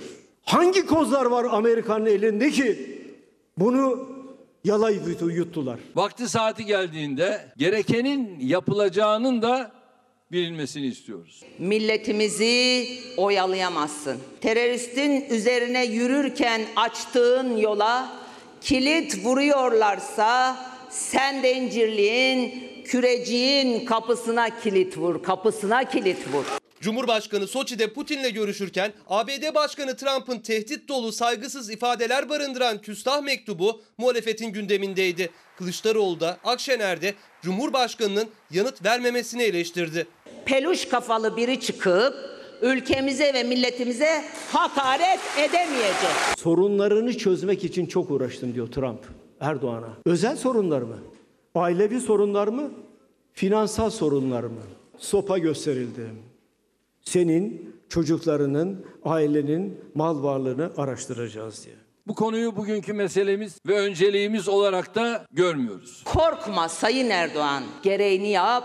Yüzlerine ya lafı ya da kapıyı çarp. Aşağılanan bir toplum var. Aşağılanan bir ülke var. Aşağılanan insanlar var. Çıkıp aslan kesilmesini beklerdik. Ey Trump sen benim, ailemin, çocuklarımın mal varlığını mı araştıracaksın? Araştırmazsan namertsin diyeceksin. Kılıçdaroğlu mektup tepkisini yüksek perdeden verirken Erdoğan'a 7 soru sordu. Cumhurbaşkanlığı yeminini hatırlattı. MHP'nin sessizliğini de hedef aldı. MHP'nin düştüğü hali görüyor musunuz? Hangi şeref, hangi onur? Ülkücü kardeşim sana sesleniyorum. Eğer bu memleketin şanından ve şerefinden yanaysan, onurundan ve haysiyetinden yanaysan, bunlara alet olmayacaksın. Bunların ipiyle kuyuya inmeyeceksin. Karşılıklı olan sevgi saygımız da bunları sürekli gündemde tutmaya müsaade etmiyor. Mektupta bir tek gülücük emojisi eksik. Millete senin üzerinden hakaret edenlerle dost olamazsın. Trump'ın tehditleri ve küstah mektubu kadar Amerika ile yapılan anlaşma gereği Barış Pınar Harekatı'na ara verilmesi de gündemindeydi muhalefet liderlerinin. Kılıçdaroğlu da Akşener de Mike Pence'e uygulanan protokolü eleştirdi. Mütekabiliyet dediğimiz bir kural vardır. Bir başkan yardımcısı başkanla aynı pozisyonda oturuyor. Oturması gereken yer neresi? Fuat Oktay'ın karşısı. Ama Erdoğan onu yanına alıyor. Neden? Ezik. Türkiye Cumhuriyeti tarihinde böyle bir teslimiyet asla olmamıştır. Türk milletinin başını öne eğdin. Görüşmem dediğin adamla denginmiş gibi koltukları yan yana koyarak poz verdin. Şak diye dur dediler, tak diye durdun. Yazıklar olsun, yazıklar olsun. Şimdi bir arkadaş tabii hakaretler ediyor sabah sabah ama onun adını vermeyeceğim burada. Çünkü hoşuna gidiyor insanların. Sadece adını vereyim. Mustafa bilmem ne Twitter'da biraz önce bizi paylaşmış. Hakaret ediyor. Sadece kendisine ait diyorum. Levent Tekin. Ha bak iktidara bunu söyleyeyim ben yapıcı bir dille. Beni dinlemesinler, Levent'i dinlesinler. İsmail Bey günaydın. Lütfen bir ses versinler. Birileri duyar belki siz söylerseniz. Esnafın hali perişan. Bütün esnaf sizi izliyor. İş güç yok. Siftahsız geçiyor günler. Artık dönüp esnafa baksınlar. Esnaf çığ gibi yüzer yüzer akıyor, yok oluyor. Bu esnaf kendilerini destekleyenler üstelik diyor saygıyla. Levent Tekin. Bakın çok önemli. Bu arada aa bir dakika Meral Hanım'dan bir davet var efendim. Onu size sunacağım ama Bir Gün Gazetesi'nin ikinci manşeti kaldı onu da verelim. 7.3 milyar dediler, 56.6 milyar aktardılar. Nurcan Gökdemir, bir günün Ankara temsilcisi yazmış. Bütçeden yedek ödenek aktarımı zirve yaptı. Kurumlar arasında aktarılan 7.3 milyar lira olarak belirlenen başlangıç ödeneği 56.6 milyara ulaştı diyor. Peki Cumhurbaşkanı maaşı ile ilgili haber neymiş? O da Hüseyin Şimşek imzalı. Türkiye Büyük Millet Meclisi'ne sevk edilen 2020 yılına ait Cumhurbaşkanlığı bütçe teklifine göre Cumhurbaşkanı Erdoğan 74.500 lira olan maaşını 81.250 liraya çıkardı. Böylece asgari ücrete 161 lira zam yapan Cumhurbaşkanı kendisine ise 3 askeri ücretten daha fazla zam yaptı. Ayrıca 2020 yılında Cumhurbaşkanlığına 26 yeni araç alınacak dedi. Meral Akşener'den bir davet geldi dedim. Baktım zaman çabuk geçiyor ve Meral Akşener 25 25 Ekim Cuma günü Ankara'da partisinin ikinci yılı için bir kutlama yapıyormuş. Bizi davet etmiş efendim. Kendilerine teşekkür ediyorum. Partilerine de uzun ömürler diliyorum. Harun Yiğit, Hiciv Osman, Totaliter Günler, Gürkan Çakıroğlu'nun yazdığı içinde de bir mektup var bana. Rehin Özlemler Mehmet Öksüz'ün yeni çıkan kitabı imzalı geldi. Dün sizlere söz vermiştim. Ve belediye başkanlarının, yeni seçilen belediye başkanlarının kendi kentleriyle ilgilenmelerini, başka gündem maddelerine güç ve enerji harcamamalarını, kendi yaşadıkları şehirdeki vatandaşın sorunlarına odaklanmalarını istemiştim. Ve Tunç Soyer'i eleştirmiştim. İzmir Belediye Başkanı Tunç Soyer'i. Çünkü manşetler vardı. Hatta iktidarın sözcüleri eleştiriyorlardı. Güya Tunç Soyer Türkiye elini eteğini Kıbrıs'tan çeksin demişti. Haklı olarak kızdım, eleştirdim ve sizlere söz verdiğim gibi kendisini aradım. Kendisiyle konuştuk. Kendisi bana anlattı. Ben de dedim ki o zaman yarın telefonla bizzat anlatın. Tunç Soyer, İzmir Belediye Başkanı şu anda hattımızda. Sayın Başkan günaydın. Günaydın İsmail Bey. Nasılsınız? Teşekkür ederim. Sağ olun. Siz nasılsınız? Sağ olun. Çok teşekkür ediyorum. Size dün o soruyu sormuştum. Gerçekten de bakın bugün hala gazetelerde var. Büyük kriz diyor. Kuzey Kıbrıs'la ilgili haberleri dikkatle takip ediyorum. Ama Kıbrıs'ı Kıbrıslara bırakalım. Size atfen böyle bir röportaj ve bu röportaja da istinaden iktidardan size yönelik sert eleştiriler geliyor. Efendim siz böyle bir röportaj verdiniz mi? Ne zaman verdiniz? Ne dediniz? Bir anlatın hele. İsmail Bey ben e, 10 yıl Seferihisar Belediye Başkanlığı yaptım ve belediye başkanı seçildikten 6 ay sonra da Seferihisar'ı Dünya Sakin Şehirler Ağı'na üye yaptım.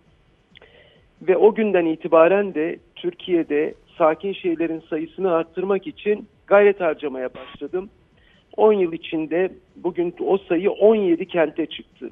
Ama daha fazla gayreti Kıbrıs'tan şehirleri sokmak için uğraştım.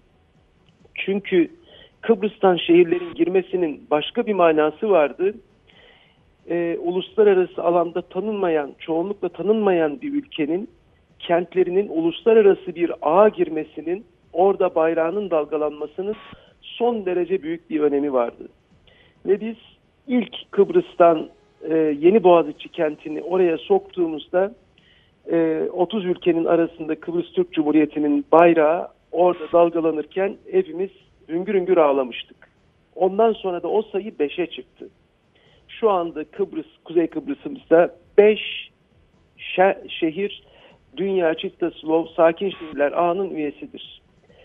9-10 Aralık 2016'da ben 3. kentin katılması nedeniyle Kıbrıs'taydım ve bana o günlerde barış görüşmeleri vardı iki toplum arasında. Gazeteciler böyle bir soru yönelttiler. Bir dakika. 2016. 9-10 Aralık 2016. 3 yıl önce, evet. 3 yıl önce. Ve ben de o günkü koşullarda ve o günkü ünvanımla Türkiye'de ve Kıbrıs'ta sakin şehirler ağını geliştirmekle görevli olan bir kişi olarak, Seferihisar Belediye Başkanı olarak bir açıklama yapmıştım. Ama bugün ne koşullar, aynı koşullar, ne ben aynı noktadayım. Üç sene önce yapılan bir açıklamayı sanki dün basına demeç vermişim ve böyle bir açıklama yapmışım gibi duyurmak en hafifinden haksızlık, büyük haksızlık. Ben İzmir Büyükşehir Belediye Başkanıyım ve benim işim İzmir'le ilgili. Güzel. Benim ne genel siyasetle, uluslararası siyasetle uğraşacak vaktim var, ilgim var, hakkım var. Bunların hiçbirine hakkım yok, hiçbirine vaktim yok, hiçbiriyle ilgim yok. Ben İzmir'le uğraşıyorum. Üç sene önceki bir demeci, üstelik de bambaşka bir bağlamda, bambaşka koşullarda ve bambaşka bir ünvanla konuşmamı bugün İzmir Büyükşehir Belediye Başkanı olarak yapmışım gibi göstermek, bugün Kıbrıs'la ilgili bir değerlendirme yapıyormuşum gibi bir algı yaratmak doğrusu çok büyük haksızlık. Ee, bunu ifade etmek istiyorum. Peki çok açık aslında bence bir algı operasyonu yapılmış efendim. Ama burada Evet. iktidarın çok önemli isimleri bile bu algı operasyona düşmüşler. Bakın yeni bir görüşme olsa, yeni bir açıklama olsa anlarım. Ama 3 yıl önce bambaşka koşullarda yapmışsınız. Başka bir soruya Evet. bile gerek yok. Çok teşekkür ediyorum. Ben teşekkür ediyorum. İyi Sağ olun. İzmir'e selamlar İyi- efendim. İşte böyle çok çok çarpıcı değil mi efendim? Şimdi buraya yerel gazeteleri vermek istiyorum. Birazcık da Türkiye'nin yerel gazeteleriyle Türkiye turuna çıkmak istiyorum. Mesela Tunceli Emek'ten valilikten müthiş bir masa geldi bana. Ne biliyor musunuz? Masanın üzerinde yani valiliği ziyaret edenlerin masanın önündeki fotoğrafları. Çikolata falan vermiyor artık vali. Tunceli'yi tanıtmak üzere Tunceli'nin yetiştirdiği o Munzur yöresinin meyvelerinden ikram ediyor. Önce Batman Çağdaş Gazetesi. Mağaradan villaya. Ilısu Barajı altında kalacak olan Dicle Nehri kenarındaki Çayüstü köyüne 51 konut yapıldı. Köylüler yeni konutlara taşındı diyor. Sürmanşette Batman Emniyet Müdürü Köroğlu Kıraç, vatandaş bizi sokakta görmeli. Yani vatandaşın güven duygusunu perçinlemeliyiz diyor. Önemli bir açıklama yapmış. Oradan ilk ses İzmir'deyim. Kömür gazdan tatlı. Yaklaşan kış mevsiminde ödenecek doğalgaz faturalarını düşünen vatandaş sobaya yöneldi. Soba satıcıları doğalgaza yapılan son zamlar nedeniyle bu yıl soba satışının arttığını söyledi diyor. Yani demek ki hava kirliliği de artacak efendim maalesef. Oradan Trakya'ya geçiyorum. Edirne'deyim. Bu işin kadın erkeği yok. Hayatta hiçbir şeyin kadın erkeği yok efendim. Biraz sonra Yanındayız Derneği Başkanı buraya geliyor. Nurger Hanımefendi kendisiyle kadın meselesini konuşacağız. Bi- Biraz evvel ifade ettim. Çok sayıda gönüllü kuruluşla bu konuları takip ediyorum. Dün bu konuda bazı çalışmaları olan Kezban Hatemi hocamızla, duayen hukukçuyla da konuştum. Önümüzdeki haftalarda sizlere bu konularda çok özel bazı projeler getirebilirim. Canan Güllü ve Nazan Moral hocamızla da sürekli istişare halindeyiz. Çünkü bu meseleyi mesele edindik efendim. Kadın hayatın her alanında olacak diyoruz. Devam edelim. Van Sesi. 23 Ekim yani bugün ama 2011'de Van'da bir deprem yaşanmıştı ve çok üzülmüştük. Van depremi 8. yılında Van ve Erciş'te hüzünle anılacak hasarlı binalar halen tehlike saçıyor diyor Van Sesi gazetesi. Oradan Tunceli'ye geçelim.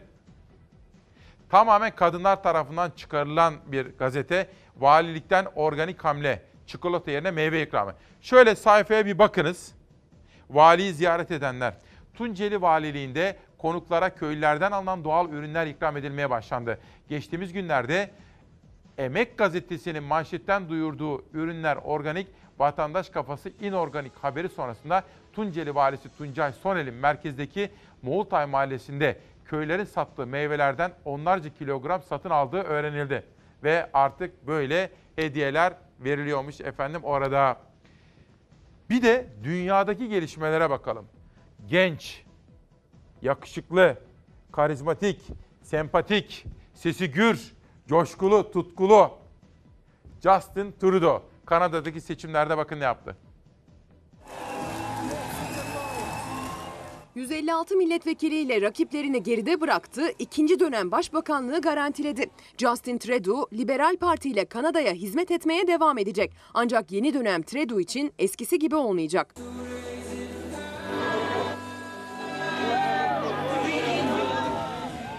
Kanada halkı oy kullandı. Seçimlerin galibi Justin Trudeau liderliğindeki Liberal Parti oldu. En güçlü rakibi Muhafazakar Parti 122 milletvekili çıkartırken Liberal Parti 156 milletvekiliyle rakibinin önüne geçti. And of course, to my fellow Canadians. It has been the greatest honor of my life to serve you for these past four years, and tonight you're sending us back to work for you. We take this responsibility seriously, and we will work hard for you, for your families, and for your future. Justin Trudeau bütün rakiplerini geride bıraktı bırakmasına ama parlamentoda tek başına çoğunluk sağlayamadı. 2015 seçimlerini açık ara farkla kazanmıştı Kanada Başbakanı. Bu kez salt çoğunluğu elde edemedi. Trudeau'nun partisinin adının yolsuzlukla anılması, kendisinin de bir petrol boru hattına destek vermesi ve seçim kanunu reform sözünü tutmaması partiye kan kaybettirdi. Kan kaybeden Liberal Parti'nin yasama görevi için sol kanat muhalefetten destek alması gerekecek. Liberal Parti'nin bu nedenle yeni Demokrat Parti ile koalisyon hükümeti kuracağı ileri sürülüyor. Yeni Demokrat Parti lideri Jagmeet Singh de koalisyona sıcak yaklaşan tavrıyla biliniyor. Trudeau'nun zaferi sonrası konuşmasına seçmenleriyle birlikte dans ederek başlayan Yeni Demokrat Parti lideri tarzıyla en dikkat çeken siyasetçiler arasında görülüyor. Thank you, thank you. Özel yayına devam edeceğim biraz sonra fakat farklı gündem maddelerini de sunmak istiyorum. Ahmet Dağdelen, İsmail Bey günaydın. Bir tiryaki gibi sizi izliyorum diyor. Ben bir emekliyim. Aldığım maaşla ev kirası ödeyip geçinmeye çalışıyorum. Her gün iş aramak, iş ilanlarını takip etmek benim için bir hobi oldu. Bunu duyurur musun diyor Ahmet Dağdelen. Zeki Sezer, Ankara'dan eski bir genel başkan.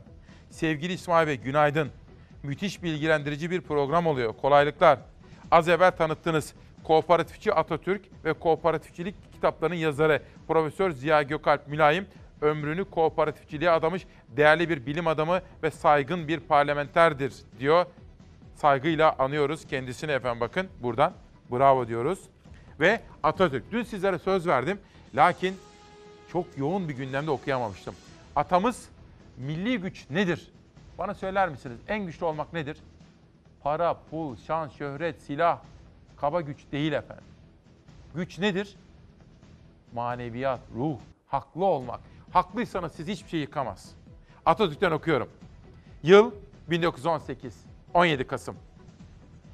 Minber gazetesine bir mülakat verir ülkemizin kurucu önderi, rol modelimiz, büyük atamız. Milli gücü şöyle anlatıyor. Çeşitli zamanlara ait derin düşüncelerimin ve bu düşüncelerinin icap ettirdiği incelemenin özetini ve neticesini ifade etmem lazım gelirse diyebilirim ki ben her türlü siyasetin her türlü manasıyla çok kuvvetli olmakta bulunduğunu kabul ederim. Yani güçlü olacaksınız. Peki nedir güçlü olmak? En kuvvetli olmak deyiminden maksadımın yalnız kaba güç değil, yalnızca silah değil. Böyle sanmayınız. Tersine ben bir asker kişi olmama rağmen bu bence kuvveti ortaya çıkaran ve oluşturan etkenlerin yalnızca sonuncusudur. Yani kaba kuvvet en sonuncusudur. Benim amaçladığım diyor Gazi Mustafa Kemal Atatürk. Benim amaçladığım manevi, bilimsel, teknik ve ahlaki bakımdan kuvvetli olmaktır. Yani gerçekten haklıysanız hiçbir şey sizi yıkamaz. Çok güçlüsünüzdür o zaman. İşte Atatürk'ten bizim öğrendiğimiz 17 Kasım'daki röportajında bunu veriyor efendim. Kültür sanat dünyasından haberleri de sizlere birazcık aktarmak istiyorum. Ben bu sene efendim Çağdaş Yaşamı Destekleme Derneği için koşuyorum. İyilik peşinde koş. Dün Ali abim de bana mesaj attı. İsmail ilk bağışı da ben yaptım dedi Ali Kemaloğlu abim. Çünkü efendim çağdaş yaşamı destekliyoruz. Ben bu sene maratonda koşacağım ve Türkan Saylan hocamızı ve onun mirasını takip ettirenleri çocuklarımızı okutmak üzere böyle bir sosyal sorumluluk üstlendim. Bu konudaki bilgilendirmeleri Peyder Bey yapacağım. Bağış toplayacağız. Kız çocuklarımız okusun diye efendim. Ben de o gün maratonda koşacağım. Kasım'ın 3'ünde. Çağdaş yaşam için.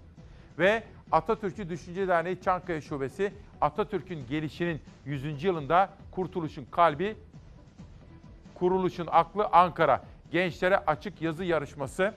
Bunu da şöyle bir bakarsınız efendim. Bundan da beni haberdar eden Aylin Nazlı Akı oldu. Bunu sosyal medyada da paylaşacağım. Oralardan takip edebilirsiniz. Bir de yine benim dikkatle izlediğim, destek verdiğim hani tıpkı ÇEV gibi 4. Uluslararası Varna Flüt Yarışması'nda Ceyda Akbuğday ikincilik ile jüri özel ödülü ve Adasu Sılay üçüncülük ödülüne layık görüldü. Çocuklarımız dünyanın dört bir tarafında kültürel ve sanatsal faaliyetlerde ve yarışmalarda bulunuyor. Onlarla gurur duyuyorum. Onların başarılarını burada aktarmaya gayret ediyorum. Ve Çekül eğitim için buluşuyoruz. Bu da Sevgi Turanlı'dan bana geldi. Doğal ve kültürel mirasın korunması alanında 30 yıldır çalışan Çekül Vakfı yararına düzenlenen bir toplantı var efendim. Hani kültür, sanat mesela yarın Böbrek Vakfı'nın böyle bir toplantısı var. Başka bir günde de mesela Uşak'ta, Gediz Dağı'nda Şevval Sam'ın da ücretsiz bir konser vereceği önemli etkinlikler var efendim. Onlara da sizlere haberler vereceğim. Çünkü Gediz Dağı'nı, Murat Dağı'nı korumak istiyoruz. Ve bu haftanın şairiyle şöyle bir seslenmek istiyorum size. Bakalım neredeyiz? Nasıl ama gündemimiz yoğun değil mi? Diyor ki Hüseyin Ferhat. İyi misiniz efendim? Müthiş bir sabah değil mi? Daha devam edeceğiz. Yedi cihanı görür insan, yedi cihanı. Bir damla gözyaşında bile insan yedi cihanı görür.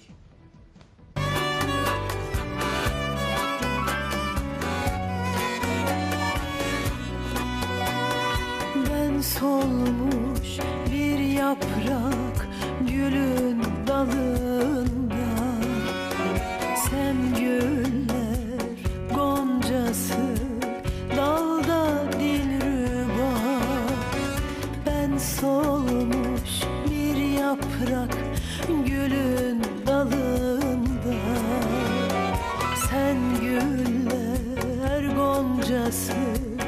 dalda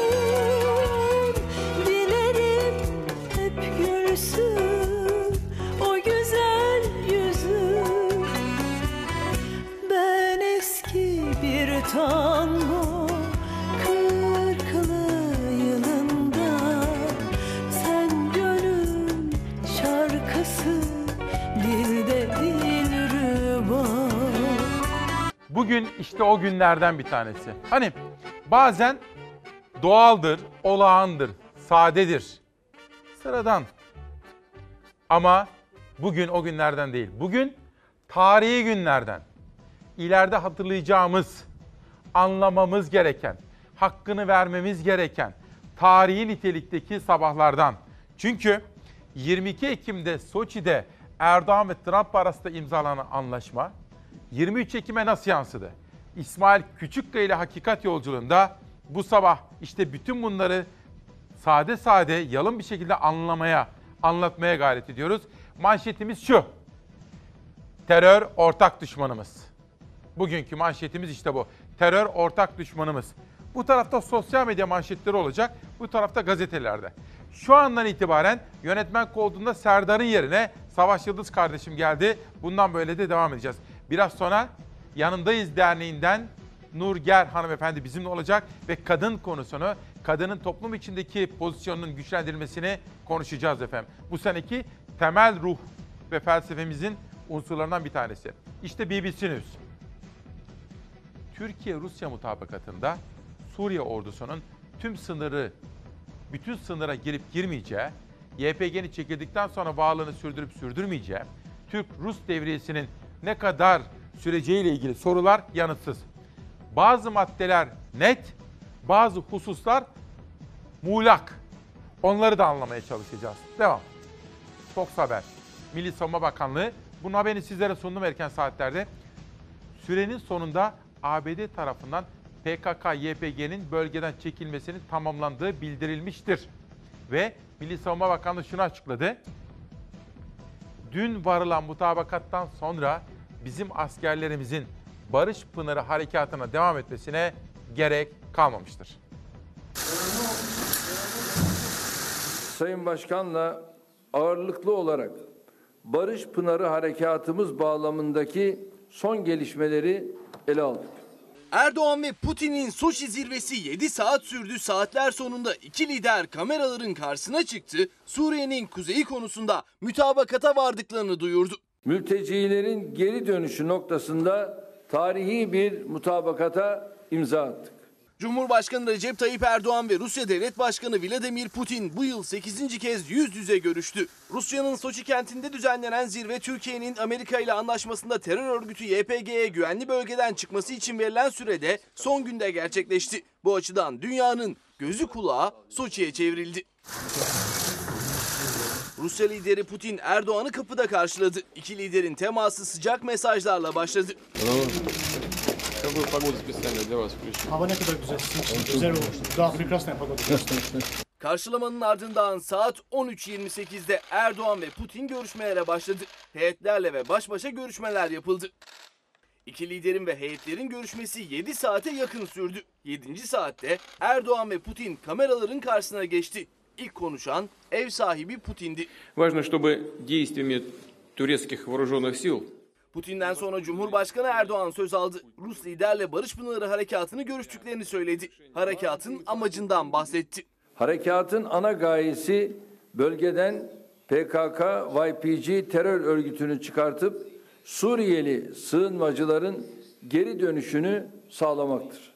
Cumhurbaşkanı Rusya ile varılan mütabakatın temelinden de bahsetti. En önemli maddeyi dünyaya duyurdu. Öğlen 12'den itibaren 150 saat içinde YPG'li teröristler ve silahları 30 kilometrenin dışına çıkartılacak. Erdoğan, Türk ve Rus askerlerinin Suriye'nin kuzeyinde ortak devriye yapacağını söyledi. 150 saatin sonunda Barış Pınarı Harekatı alanı sınırlarının batısı ve doğusunda 10 kilometre derinlikte Türk-Rus devriyeleri başlayacaktır. Cumhurbaşkanı Erdoğan terör örgütü YPG'nin çekildiği bölgeye Suriyeli mültecilerin dönmesi için çalışmaların başlatılacağını söyledi. Türkiye ve Rusya işbirliği yapacak dedi. Suriye halkının dostları olarak bu ülkede barış, güvenlik ve istikrarın yeniden hakim olması için tüm gücümüzle çalışmaya devam edeceğiz. Öncelikle 1 milyon akabinde bir bu kadar da Suriyelinin yerleşeceğine inanıyoruz. Buna dair planlarımızı muhataplarımızla paylaştık. İnşallah uluslararası toplumun da katkı ve desteğiyle bu önemli planı hayata geçireceğiz. Bu süreçte Rus dostlarımızla beraber çalışacak, gönüllü geri dönüşleri kolaylaştıracak projelere imza atacağız.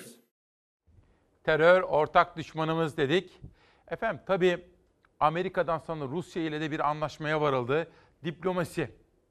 Biz her zaman şunu söyledik. Bir, diplomasi olsun. Müzakere. İki, kan dökülmesin. Üç, ülkelerin toprak bütünlüğüne saygı duyulsun. Dört, terörle mücadelede işbirliği yapılsın. Terör ortak düşmanımızdır. Bizim kazançlarımız da var. Ortada muğlak bazı bölümler de var. Kaygılarımız da var. Her birini sakin sakin konuşmayı sürdüreceğim. İbrahim Kalın diyor ki Cumhurbaşkanımızın dirayetli liderliğinde Rusya ile varan anlaşmayla terör koridoruna ve ayrılıkçı siyasete bir darbe daha vuruldu. Suriye'nin toprak bütünlüğü güçlendi. Mültecilerin geri dönüşü için önemli bir adım atıldı.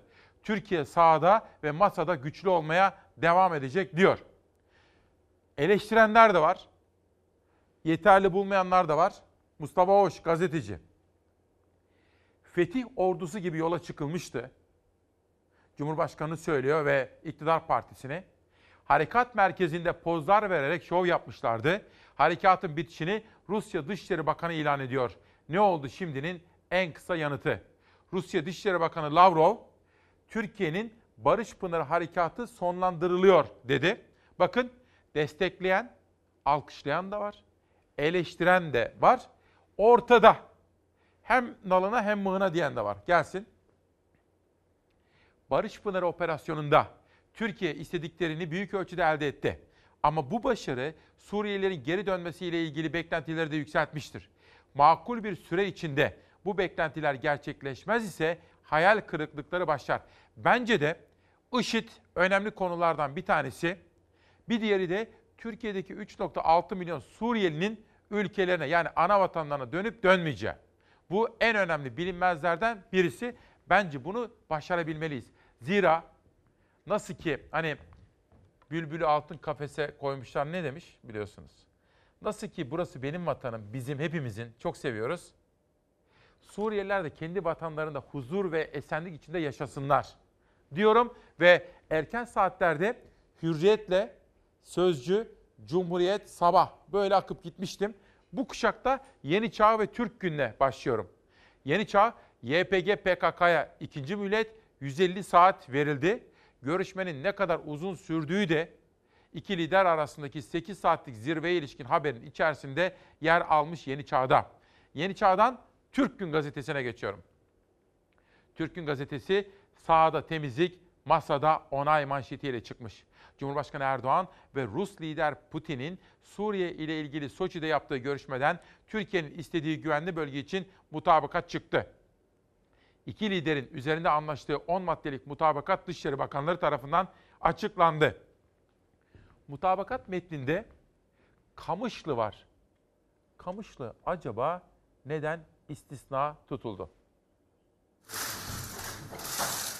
mevcut Barış Pınarı Harekatı alanı sınırlarının batısı ve doğusunda 10 kilometre derinlikte Kamışlı hariç Türk-Rus ortak devriyeleri başlayacaktır. Soçi mütabakatıyla terör örgütü YPG 150 saat içinde güvenli bölgeden çekilecek süre sonunda Türk-Rus ortak devriyesi başlayacak. Ortak devriye bölgesi kapsamına Kamışlı alınmayacak. Çünkü kentteki kritik noktalarda kontrol Esad güçlerinde.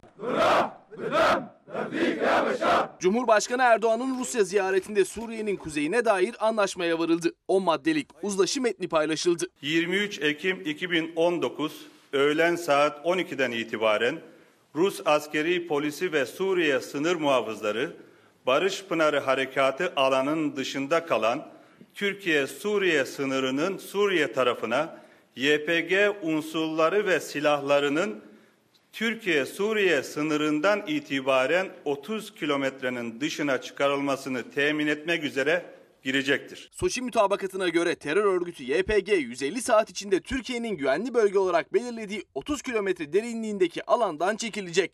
Tel Abyad ve Rasulayn'da kontrol Türk Silahlı Kuvvetleri ve Suriye Milli Ordusu'nda, Membiç ve Tel Rifat'ta ise kontrol rejim güçlerinde olacak. Yani mevcut durum korunacak.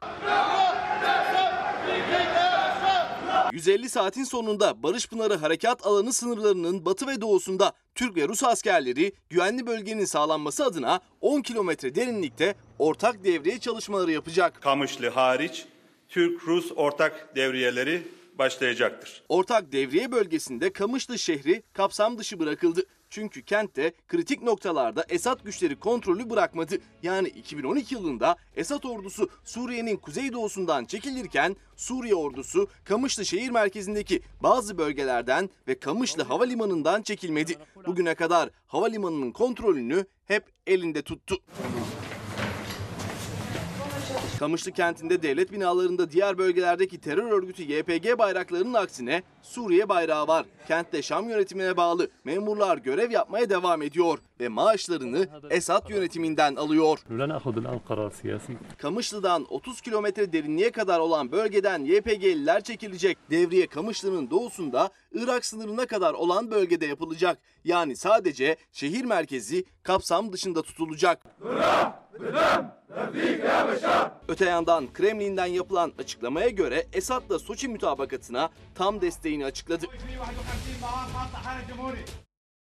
Bugün Zafer Söken ve kurgu servisimiz çok çalıştı efendim. Zafer Söken ve emeği geçen bütün arkadaşlarım ama bugün tabii tam onun günü olduğu için, dış haberler günü olduğu için pek çok haber yaptı. Kendilerine teşekkür ediyorum efendim. Bütün ekip arkadaşlarıma ve danışmanıma emekleri için teşekkür ederim. Bugünkü köşe yazılarından bir tanesi Deniz Yıldırım. Geçen hafta hastalığı nedeniyle yazamamıştı. Kendisine geçmiş olsun diyorum. Diyor ki, krizin şimdilik dondurulduğunu ama sona ermediğini düşünüyorum diyor. En önemli bölge güvenli bölge ve özellikle güvenli bölgede Türkiye'deki Suriyeliler konuşlandırılacak mı? Bakın 2 milyona yakın Suriyeli Arap nüfusun Suriye'nin daha güney bölgeleri ile doğru itilen PYD güçlerine Türkiye'nin Suriye sınırındaki bölgeler arasına yerleştirilmesi hedefiyle bir bakıma bağımsız bir Kürt devletin aslında bu terminoloji yanlış. Orada bir terör koridoru oluşturulmak isteniyor. Ama tabii hocanın kendi ifadesi. Ben saygı duyarım ama kendi düşüncemi de bu vesileyle ifade etmek isterim. Uzun yazının özetinde şu var. Bölgede demografik yani belli bir kimlik yapısına göre mi oluşturulacak? 2 milyona yakın Arap mı oluşturulacak orada? İşte bu sorunun peşine takılmış Deniz Yıldırım Hoca ve bu soruya ilişkin düşüncelerini, kaygı ve eleştirilerini de ifade ediyor bugünkü yazısında. Değil mi? Şimdi buna ilişkin detaylara da devam edelim. Kamışlı'ya da baktık. Peki sizler ne diyorsunuz bakalım. Adını söylemeyen bir vatandaş onu geçelim. Uğur kardeşim de diyor ki annem dedi ki diyor sabah keşke erken uyansaydın İsmail ne kadar güzel anlattı diyor. Uğur kardeşim günaydın. Hani good morning after supper derler yabancılar. Oo çok geç kaldın uyanmak için ama neyse dur. Annesi için şöyle bir şey yapalım. Sabah uyandığımızda adeta ben de sınıftaymışım gibi, bir öğrenciymişim gibi dikkatli bir şekilde dinledik. Dün 22 Ekim 2019'da Soçi'de imzalanan anlaşma. Eğer öğrenmek istiyorsak bir kere daha kısacık özetleyebilirim. Yapalım mı? Hadi Uğur kardeşim annesinin hatırına yapalım onu.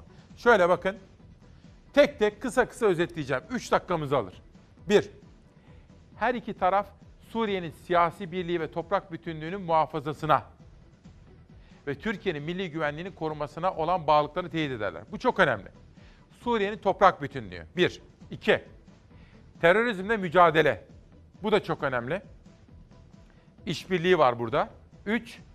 Tel Abyad ve Rasal Aynı içine alan 32 kilometre derinliğindeki mevcut Barış Pınarı Harekatı alanındaki yerleşik durum korunacak. Yani bizim askerlerimiz ileriye gitmeyecekler. PYD, YPG çekilecek. Askerlerimiz bulunduğu yerde duracak. Bu da 3. 4. Her iki taraf Adana Anlaşması'nın önemini teyit eder.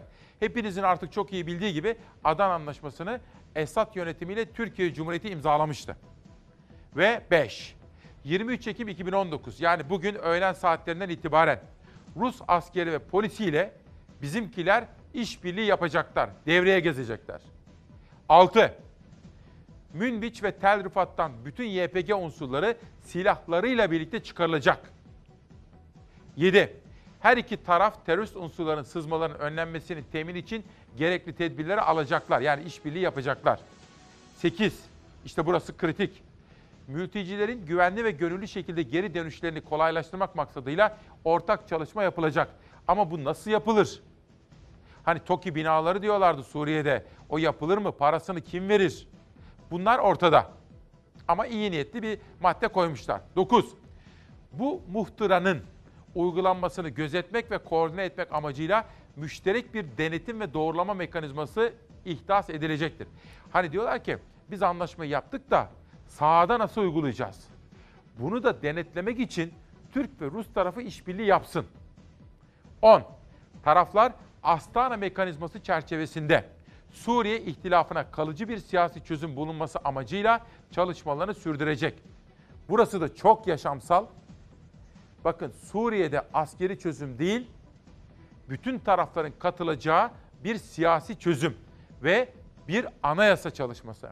Kabaca efendim yani inanın şimdi hoca gelse hepimizi sınav yapsa ben bu sınavdan geçerim. Eminim sizler de geçersiniz. Eminim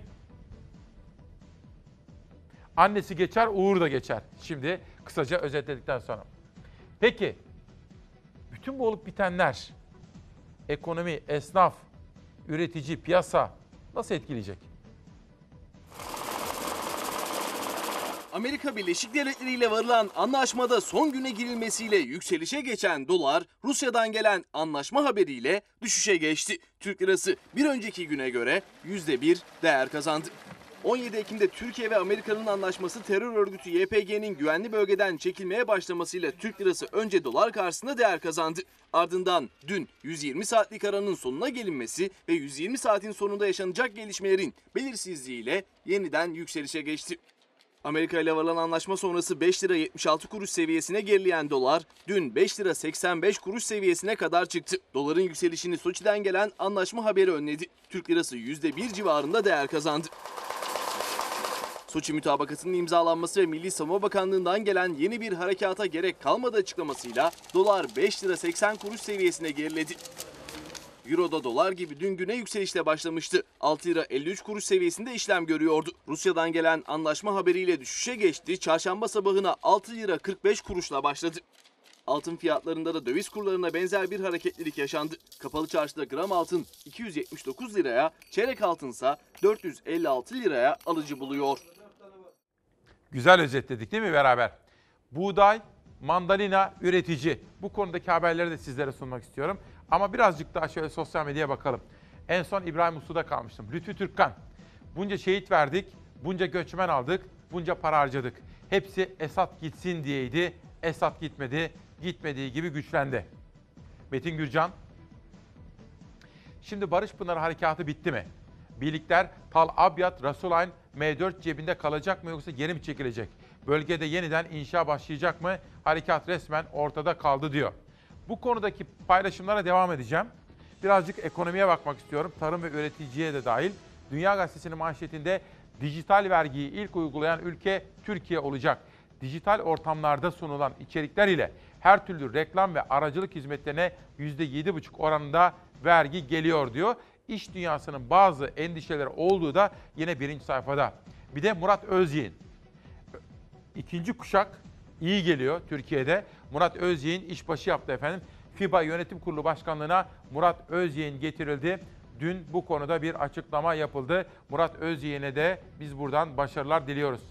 Devam edelim bir başka manşete. İş dünyasının haberlerinden oradan Milli Gazete'de bir ekonomi manşeti. Cumhurbaşkanlığının 2020 yılı Merkezi Yönetim Bütçe Kanun teklifindeki ayrıntılar şaşırtırıyor. Tarıma ayrılan desteğin 7 katı faize gidecek. Soru şu. Hani düşünmek, sormak, sorgulamak, zihnimizi çalıştırmak, bizi yaşlandırmaktan kurtarıyor ya. Alzheimer'dan kurtarıyor. Onun için sizlere bol bol soru sormak istiyorum. Soru şu. Sizce bu hükümet veya geneli itibariyle Türkiye köylüye, üreticiye, besiciye gereken önemi veriyor mu? İhracatın ithalatı karşılama oranı düştü. Buğday ve mısır rekor ithalat rakamlarına ulaştı. Buğday ve mısır 2018 boyunca yapılan ithalat oranını 2019'da sadece 8 ayda aştı. Geçtiğimiz yıl aynı dönemde 3 milyon 610 bin ton ithalatı yapılan buğday 5 milyon 457 bin tona ulaştı. Mısır ise ilk 8 ayda geçen yılın ithalat oranını geçti. 2 milyon 779 bin ton oldu. Çiftçilerse düşük verim aldıklarını söylüyor. Mazot ve gübrenin pahalı olmasını sebep olarak gösteriyorlar. Bu sene de düşük verim alıyoruz. Geçen seneye göre bu ovada 1700 1650 gibi civarlarda mısır alan çiftçimiz oldu. Bu sene 450 e, işte 500'e kadar e, maksimum 550. Şimdi şöyle mesela çiftçi e, pahalı mazot al, aldığı için yeterince şey yapamıyor. İşte sürmesidir ve gübresidir. Pahalı olduğu için yeterince gübresini vermiyor. Türkiye bu yılın ilk 8 aylık döneminde 4 milyon 825 bin ton ekmeklik, 632 bin ton makarnalık buğday ithal etti. İhracatın ithalatı karşılama oranı %135'ten %89'a geriledi. Yurt içi rekolte düştü ve dünya fiyatlarındaki gevşeme değişimin ana sebepleri olarak görülüyor. Toprak Mahsulleri Ofisi Genel Müdürü Ahmet Güldal, Türkiye'nin un ihracatında birinci, makarna ihracatında ikinci olduğunu açıkladı. Yumurta ve beyaz et ihracatının da dört katına çıkarıldığını sözlerine ekledi. Pencere isimli gazete internete çıkıyor biliyorsunuz. Bugün ikinci sayısında Ali Ekber Yıldırım da orada bir yazı kalem almış. Diyor ki, üretici için girdi maliyetleri çok büyük bir yük. Elektrik, mazot, gübre, ilaç, işçilik yani çiftçinin kullandığı bütün girdilerdeki fiyat artışı %50'nin üzerinde. Hatta bazı kalemlerde %100. Çiftçinin aylardır beklediği 2019 tarım destekleri de açıklanmıyor. Çiftçi tohumu tarlaya attı, gübresini, ilacını attı, büyüttü, hasat etti, sattı. Daha ne kadar destek alacağı belli değil diyor Ali Ekber Yıldırım bugün Pencere gazetesindeki yazısında. Ezgi Polat hiçbir yerin ortasında isimli kitabını yazmış. Süleyman Yağız terleten sorular. Hafıza Sinan Meydan ve bugün tanıtacağım son kitap. En son kapanışa iki kitap ayırdım. Ölüm her şeyi silmez. Üç kitap ayırdım hatta. Bu da Nüset Erman kitabı efendim. Peki sosyal medya manşeti ama bir dakika Savaş hazır mıyız? Dün CHP lideri, İyi Parti lideri, siyasetteki ekonomik gelişmeleri gündeme taşıdılar. Acaba ne dediler? Her üniversite mezunu iş bulacak diye bir şey yok. Doğrudur. Ama saray için doğrudur bu. Lale devrini yaşıyorlar. Son iki ayda 2 milyon vatandaşımız daha işsiz kaldı. Bu ne demek biliyor musunuz? Adana'nın nüfusuna yakın vatandaşımız işsiz kaldı demek. Resmi rakamlara göre 5 milyona yaklaşan %13,9 olarak açıklanan işsizlik rakamları vardı muhalefetin gündeminde. Cumhurbaşkanı ve ekonominin dümenindeki isim Hazine Bakanı Berat Albayrak da hedefte. Saraydakilerin hiçbirisi işsizlik çekmiyor. Bir annenin, bir babanın, bir çocuğun işsiz olması halinde evdeki mutfaktaki yangından haberi var mıdır acaba saray sosyetesinin? Üç gençten birisi işsiz. 8 milyonu aşan işsiz var. Bunlara kim iş verecek? Sayın Erdoğan ve damadına göre bunlar birer rakamdan ibaret. Bizler için her bir işsizimiz başlı başına acı bir öyküdür. Bu millet artık eti gramla alıyor. Et tüketimi düştü. Acaba saray sosyetesi bunu biliyor mu? Ülkenin varını yoğunu betona ve beş müteahhidin ikbaline bağlayan zihniyetin bizi karşı karşıya bıraktığı gerçek maalesef budur. Damat TRT'ye çıkmış anlatıyor şimdi. Hane başına düşen gelir 3 kat arttı. Ya millet işsizlikten bunalmış vaziyette hane başına düşen gelir 3 kat arttı diyor. Allah akıl fikir versin. Muhalefet liderlerinin değişmeyen gündem maddesi ekonomi. Bu eseri de bana emekli hocamız, emekli öğretmen Yüksel Ersoy göndermiş. Daha doğrusu kızı göndermiş efendim. Hatice Ümran İnce Kırşehir'den. Kendilerine teşekkür ediyorum. Atatürk'ten her fırsatta bahsediyorsunuz, iyi örnek oluyorsunuz diyor. E öyle. Atamız. Atamız. Bir de emekçi, alın teriyle çalışanlar, işçi kardeşlerim. Bakın bu da benim masamda her zaman durmaktaydı. Artık burada stüdyomuzda emeğin, alın terinin önemini hatırlatan madenci. Somalı madenciler de haklarının peşindeler.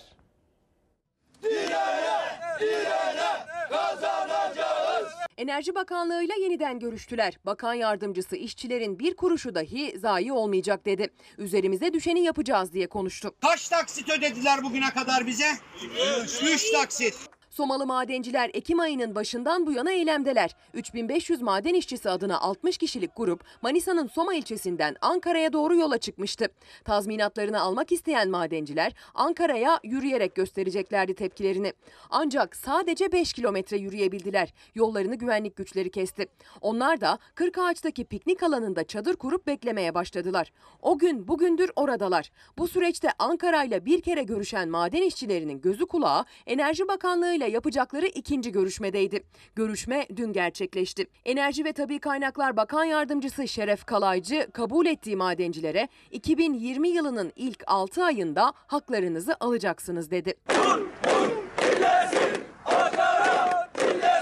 Kalaycı işçilere mahkemenin süreç içinde Türkiye kömür işletmelerini değil çalıştıkları firmayı sorumlu tuttuğunu hatırlattı. İşçileri 31 Aralık'a kadar Türkiye kömür işletmelerine dilekçeli başvuru yapmaya yönlendirdi bakan yardımcısı. Eylemlerini neticelendirsinler biz gerekeni yapacağız dedi. 2020'nin ilk 6 ayında faiziyle beraber haklarının ödeneceği müjdesini verdi.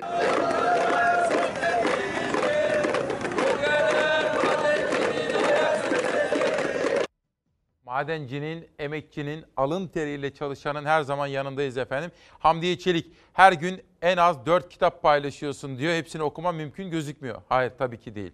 Okuduğum kitaplar var. Mesela bugünlerde dün Hüseyin Hatem hocama dedim ki hocam dedim Abdülbaki Gölpınarlı Hazreti Ali kitabını okuyorum dedim. O da bana ta eskiden tanıştığını hatırlattı. Çünkü büyük bir isimdi. Bizim Arjantin Felsefe grubundaydık eskiden Ankara'da. Orada Ahmet İnam hocamız da bahsederdi. O kitap bittiği zaman Hazreti Ali kitabından size alıntılar yapacağım. Ama bu tanıttığım kitapları biz kütüphanelere falan yolluyoruz. Arkadaşlarım bunu organize ediyorlar efendim. Onu da söylemiş olayım. Bir de kalem tutkunları. Mesela Doğan Hızlan, mesela Nabi Avcı Hoca. Kalem tutkunları. Sizin zamanınız geliyor yine.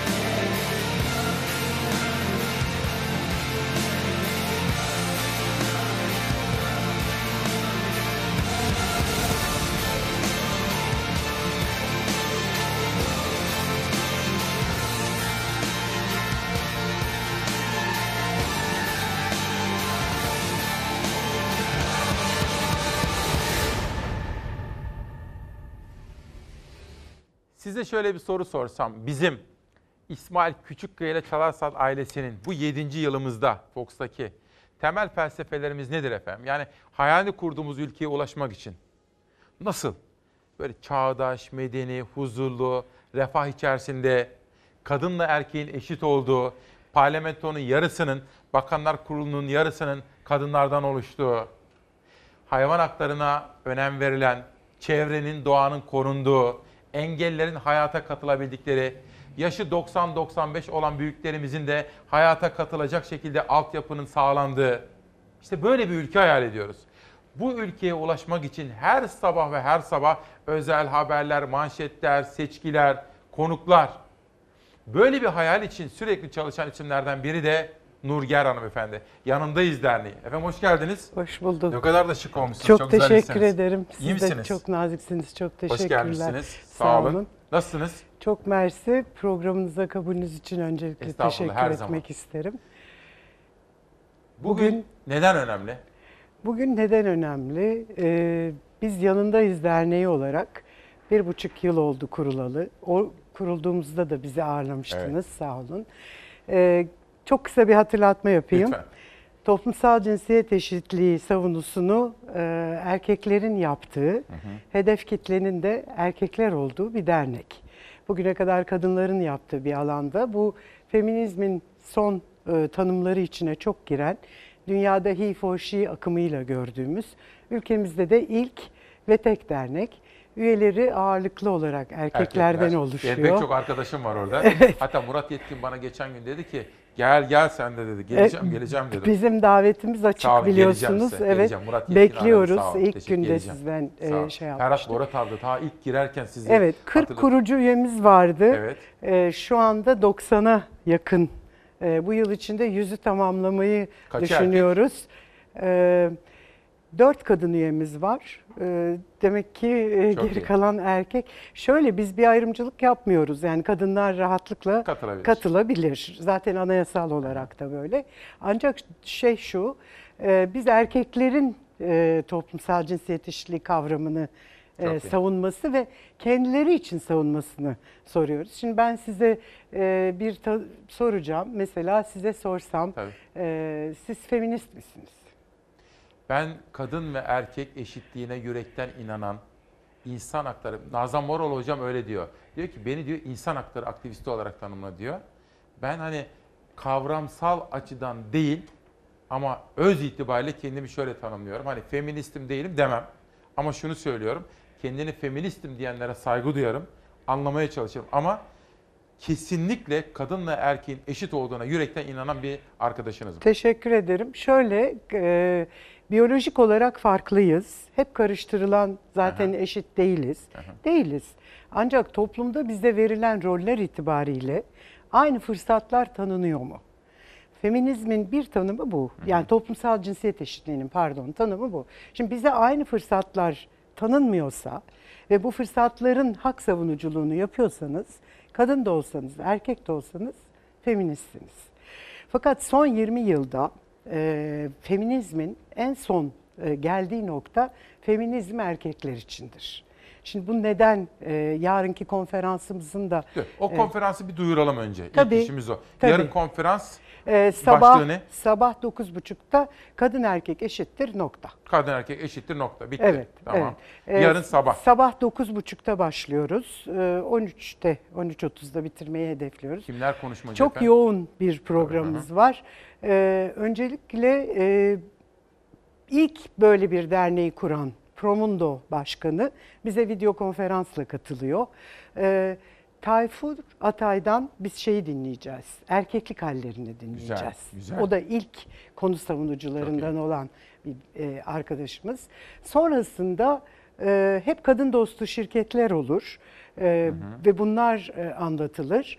E, burada bizim e, şirketlerimizden ziyade mesela pompacı bir kadını dinleyeceğiz. Açık deniz kaptanı e, bir kadınımızı dinleyeceğiz. Güzel. İlk erkeklik erkek olarak doğum izni e, almış yani doğum sonrası çocuğa bakmak üzere e, izin almış Mersin'den gelen bir Çok beyefendi güzel. var. E, şirket isimlerini vermiyorum ama e, biz bu ters köşe diyoruz e, bunlara. E, bir de e, şirketinde e, çok çok alt seviyeden başlamış ve fakat bugün o şirkete 5 yıl içinde tedarikçi olmayı e, becermiş bir şey kadınımız soracağım var. Nur Hanım. Bu örnekleri vererek kadına ne mesajı vermek istiyorsunuz? Cesaretlendirmek Cesaret. istiyoruz. Bir de topluma şu mesajı vermek istiyoruz. Mesleklerin kadın ve erkek diye ayrımı yoktur. Güzel. Hepimiz her mesleği yapabiliriz. Yetkinliklerimiz ve donanımımız çerçevesinde bu kadın işi, bu erkek işi, bu meslek kadın, bu meslek erkek mesleği demeyelim. En güzel örneği hemşirelikten verebiliriz ve e, uçaklardaki hosteslerden Güzel. verebiliriz. Son 10 yılda e, her ikisi de kadın işi kabul edilen mesleğe rahatlıkla erkekler Tam geldi. Sözünüzü balla keseceğim. Lütfen. Şimdi benim böyle destek verdiğim iki çalışma var. Bir tanesi rahmetli Mustafa Koç'un çok önem verdiği. İyi Şimdi. Ali Koç ve Ömer Koç da sürdürüyor. Genç kızlarımız mühendis olsunlar. Bir de Gülseren Özdemir annemiz vardı. Onu kaybettik. Onun bu mirasını da kızı Ebru Özdemir takip ediyor. Onlar da yani mühendislik fakültelerine kızlar girsinler. Evet. Yani oralarda da o kadar az ki. Evet doğru çünkü sonuçta sadece fabrikada çalışılacağı düşünülüyor ve bunun da gene erkek işi olduğu düşünülüyor. Ama bugün çağdaş mühendislik kavramı da çok değiştiği Güzel. için e, çok rahatlıkla bilişim sektörüne kadınların dahil olması gerekiyor. E, hızlıca bitireyim isterseniz devam edeyim mi Lütfen devam edin. ilgili? Çünkü onu duyurmak istiyorum. Neden biliyor musunuz? Çünkü- bir farkındalık e, Evet. oluşsun Evet, istiyorum. bu bizim temel hedefimiz kadına şiddet. Güzel. İçerik tümüyle e, bu çerçevede olacak. Berber sohbetlerimiz var bizim çok e, yaygın ve artık çok e, ünlü hale gel geliyor. Nedir o? Berber sohbetlerimiz şöyle.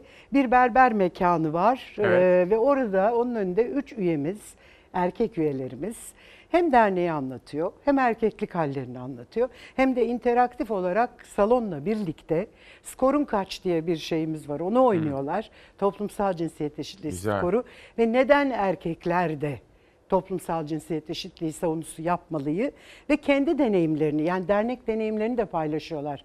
Diyorlar ki biz bu derneğe başladıktan sonra farkındalık da başka bir boyuta gelince çok daha önemini anladık vesaire gibi. Böyle bir berber sohbetimiz sonrasında e, çok iyi bildiğimiz bir markanın karı, koca, eş, iki eş yöneticisi e, madalyonun ters yüzünü anlatacaklar. Bu markayı hepimiz tanıyoruz. Güzel. Ama e, bir çift olarak yek diğeri olmasaydı bugün o şirket öyle olur Şimdi muydu mesela konuşacaklar. Birkaç, birkaç yıldır takip ettiğim başka bir çalışma var. Mesela kadınlarımız yönetim kurullarında olsunlar. Evet, evet. Değil mi? Bu da işin Evet. hani aslında Şimdi- şöyle siyasette, iş dünyasında her yerde her kadın alanda.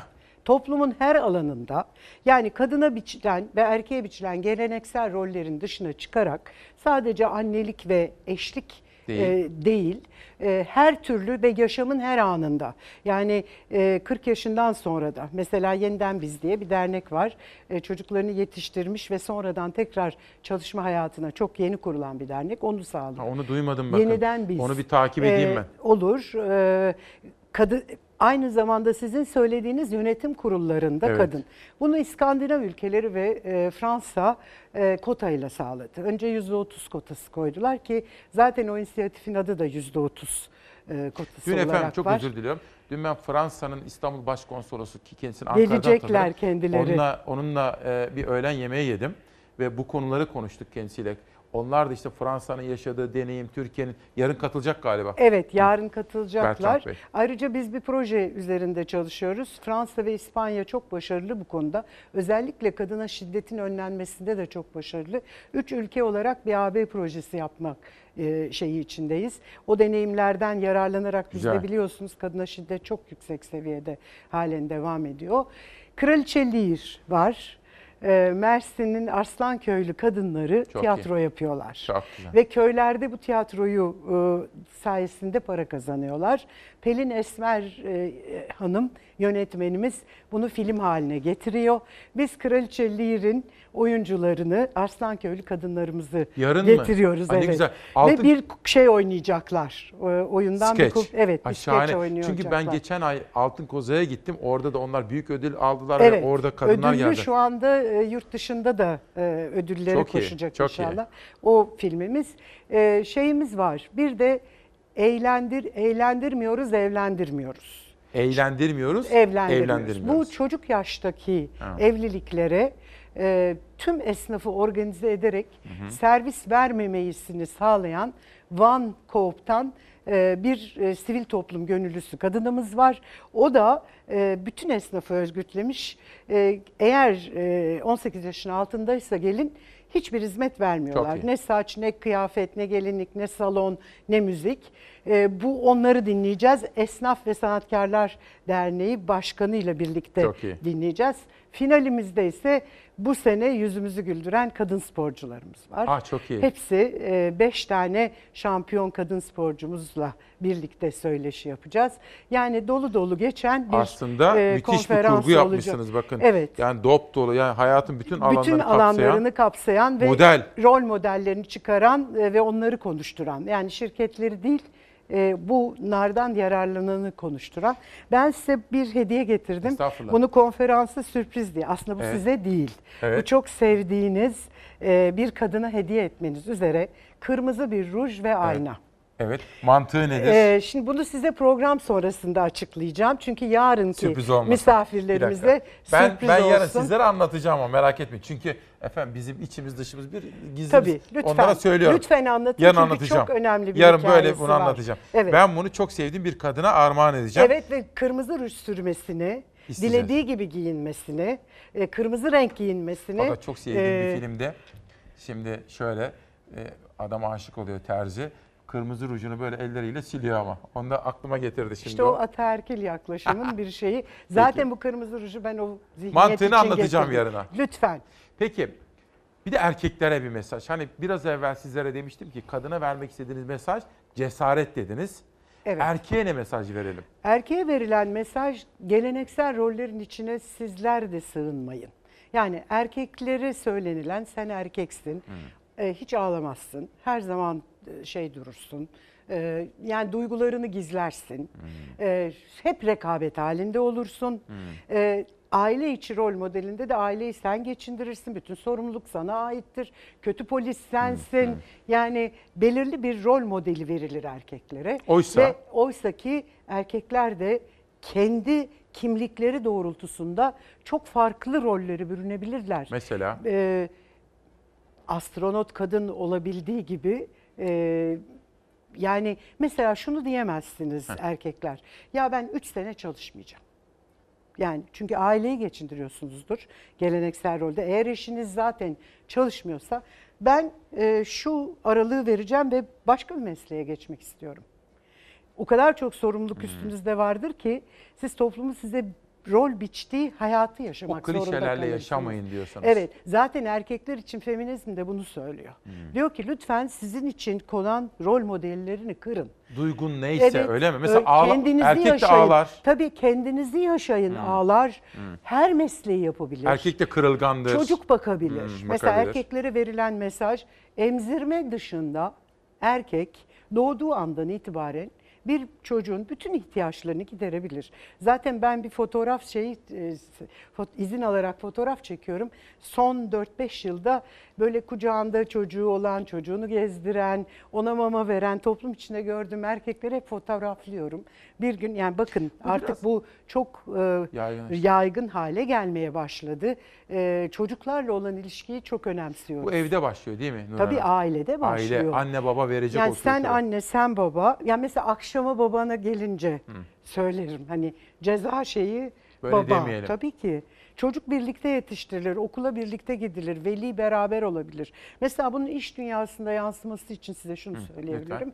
Ee, kadın çalışanlar zaten e, doğum ve çocuk dolayısıyla dışına çıkıyorlar.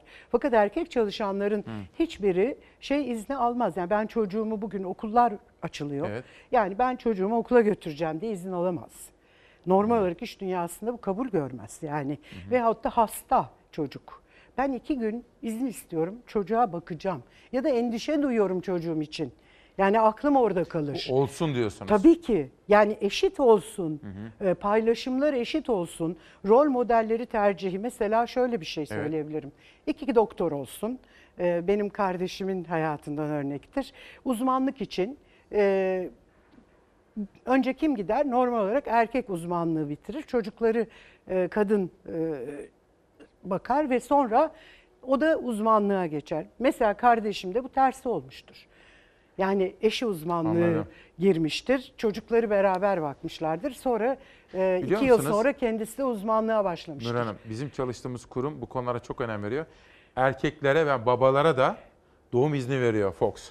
Babalık izni veriyor. E, Kullanan varsa ben Var. bir sonraki konferans için kendilerini ben size isim memnuniyetle vereyim. bilseydik sizden Yo, sizi nasıl de devam alırdık. edecek bu? Çünkü Mersin'den bir baba geliyor bu Tamam, doğum biz izni Fox'tan için. size yollarız. Evet yani Babalık izni. bunlar Savaş, doğru örnekler. Ee, bunlar hep doğru örnekler. Çok Erkekleri bu konferans biliyorsunuz erkekler için. Bizim bütün şeyimizde e, yani erkeklerin farkındalık e, geliştirmesi ve erkeklerin de o yaklaşımla kadınlara e, ilişki e, kurmaları. Yani kendi ayakları üzerinde duran, e, rahat e, hayatını idame ettirmiş ve veya kendisinden daha fazla para kazanabilir profesyonel olarak ya da gece bir mesleği olabilir eşinin. Olabilir. O kariyeri devam ettirebilmesi için mutlaka o eşten destek alınması gerekir. Yani her başarılı erkeğin arkasında bir kadın vardır denirken her başarılı kadının arkasında da mutlaka diğer yanında Nokta. bir erkek. Evet. Buna nokta diyelim. Yanındayız Derneği'nden Başkan Nurger yine bize geldi. Yine gelin efendim sonra yine. Çok Çünkü bu teşekkürler. aralıksız devam etmemiz gereken bir kampanya. Aynen. Dün tam sizin bulunduğunuz yerde yine sizin gibi şahane bir kadın vardı. Sağ olun. Serra Yılmaz vardı dün. Aa, arkadaşımdır o da müthiş. Müthişti. Çok Müthiş. teşekkür ediyorum Biz de size. öyle. Sağ olun. 100. üyemiz olmanız üzere tekrar Tamam, davetimi Tamam, yineliyorum. Peki, Murat Yetkin bak geliyorum. Evet. Efendim izin verir misiniz? Ben konuğumu uğurlayacağım. Aranıza bugünü kapatmak üzere geri geleceğim. Gerçekten tarihin yazacağı o özel sabahlardan biriydi. Bu bilinçle hazırlandık. Ben, ekip arkadaşlarım, danışmanım. Bu sorumlulukla hazırlandık. Unutmayalım diye, anlayalım diye efendim. Yeni çıkan kitaplarla bugünü kapatalım. Kim bilir yarın hangi sürprizler sizi beklemekte. Ülkü Arslan, cennetim sendin diyor. Sizin cennetiniz kimdi efendim? Var mıydı? Oldu mu? Dikkat sisteme karşı Murat Çelik. Süleyman Yağız, komünizm ve sol korkusu. Haftanın şairi Hüseyin Ferhat. Gözünüzü yumduğunuzda ne olur efendim? Kim aklınıza gelir? Ne aklınıza gelir? Gözünüzü yumduğunuz o anda. İşte Hüseyin Ferhat'ın bir şiirinden alıntı yapıyorum. Yumsam gözlerimi ne zaman? Yumsam gözlerimi ne zaman? O saat düşlerime ilişir.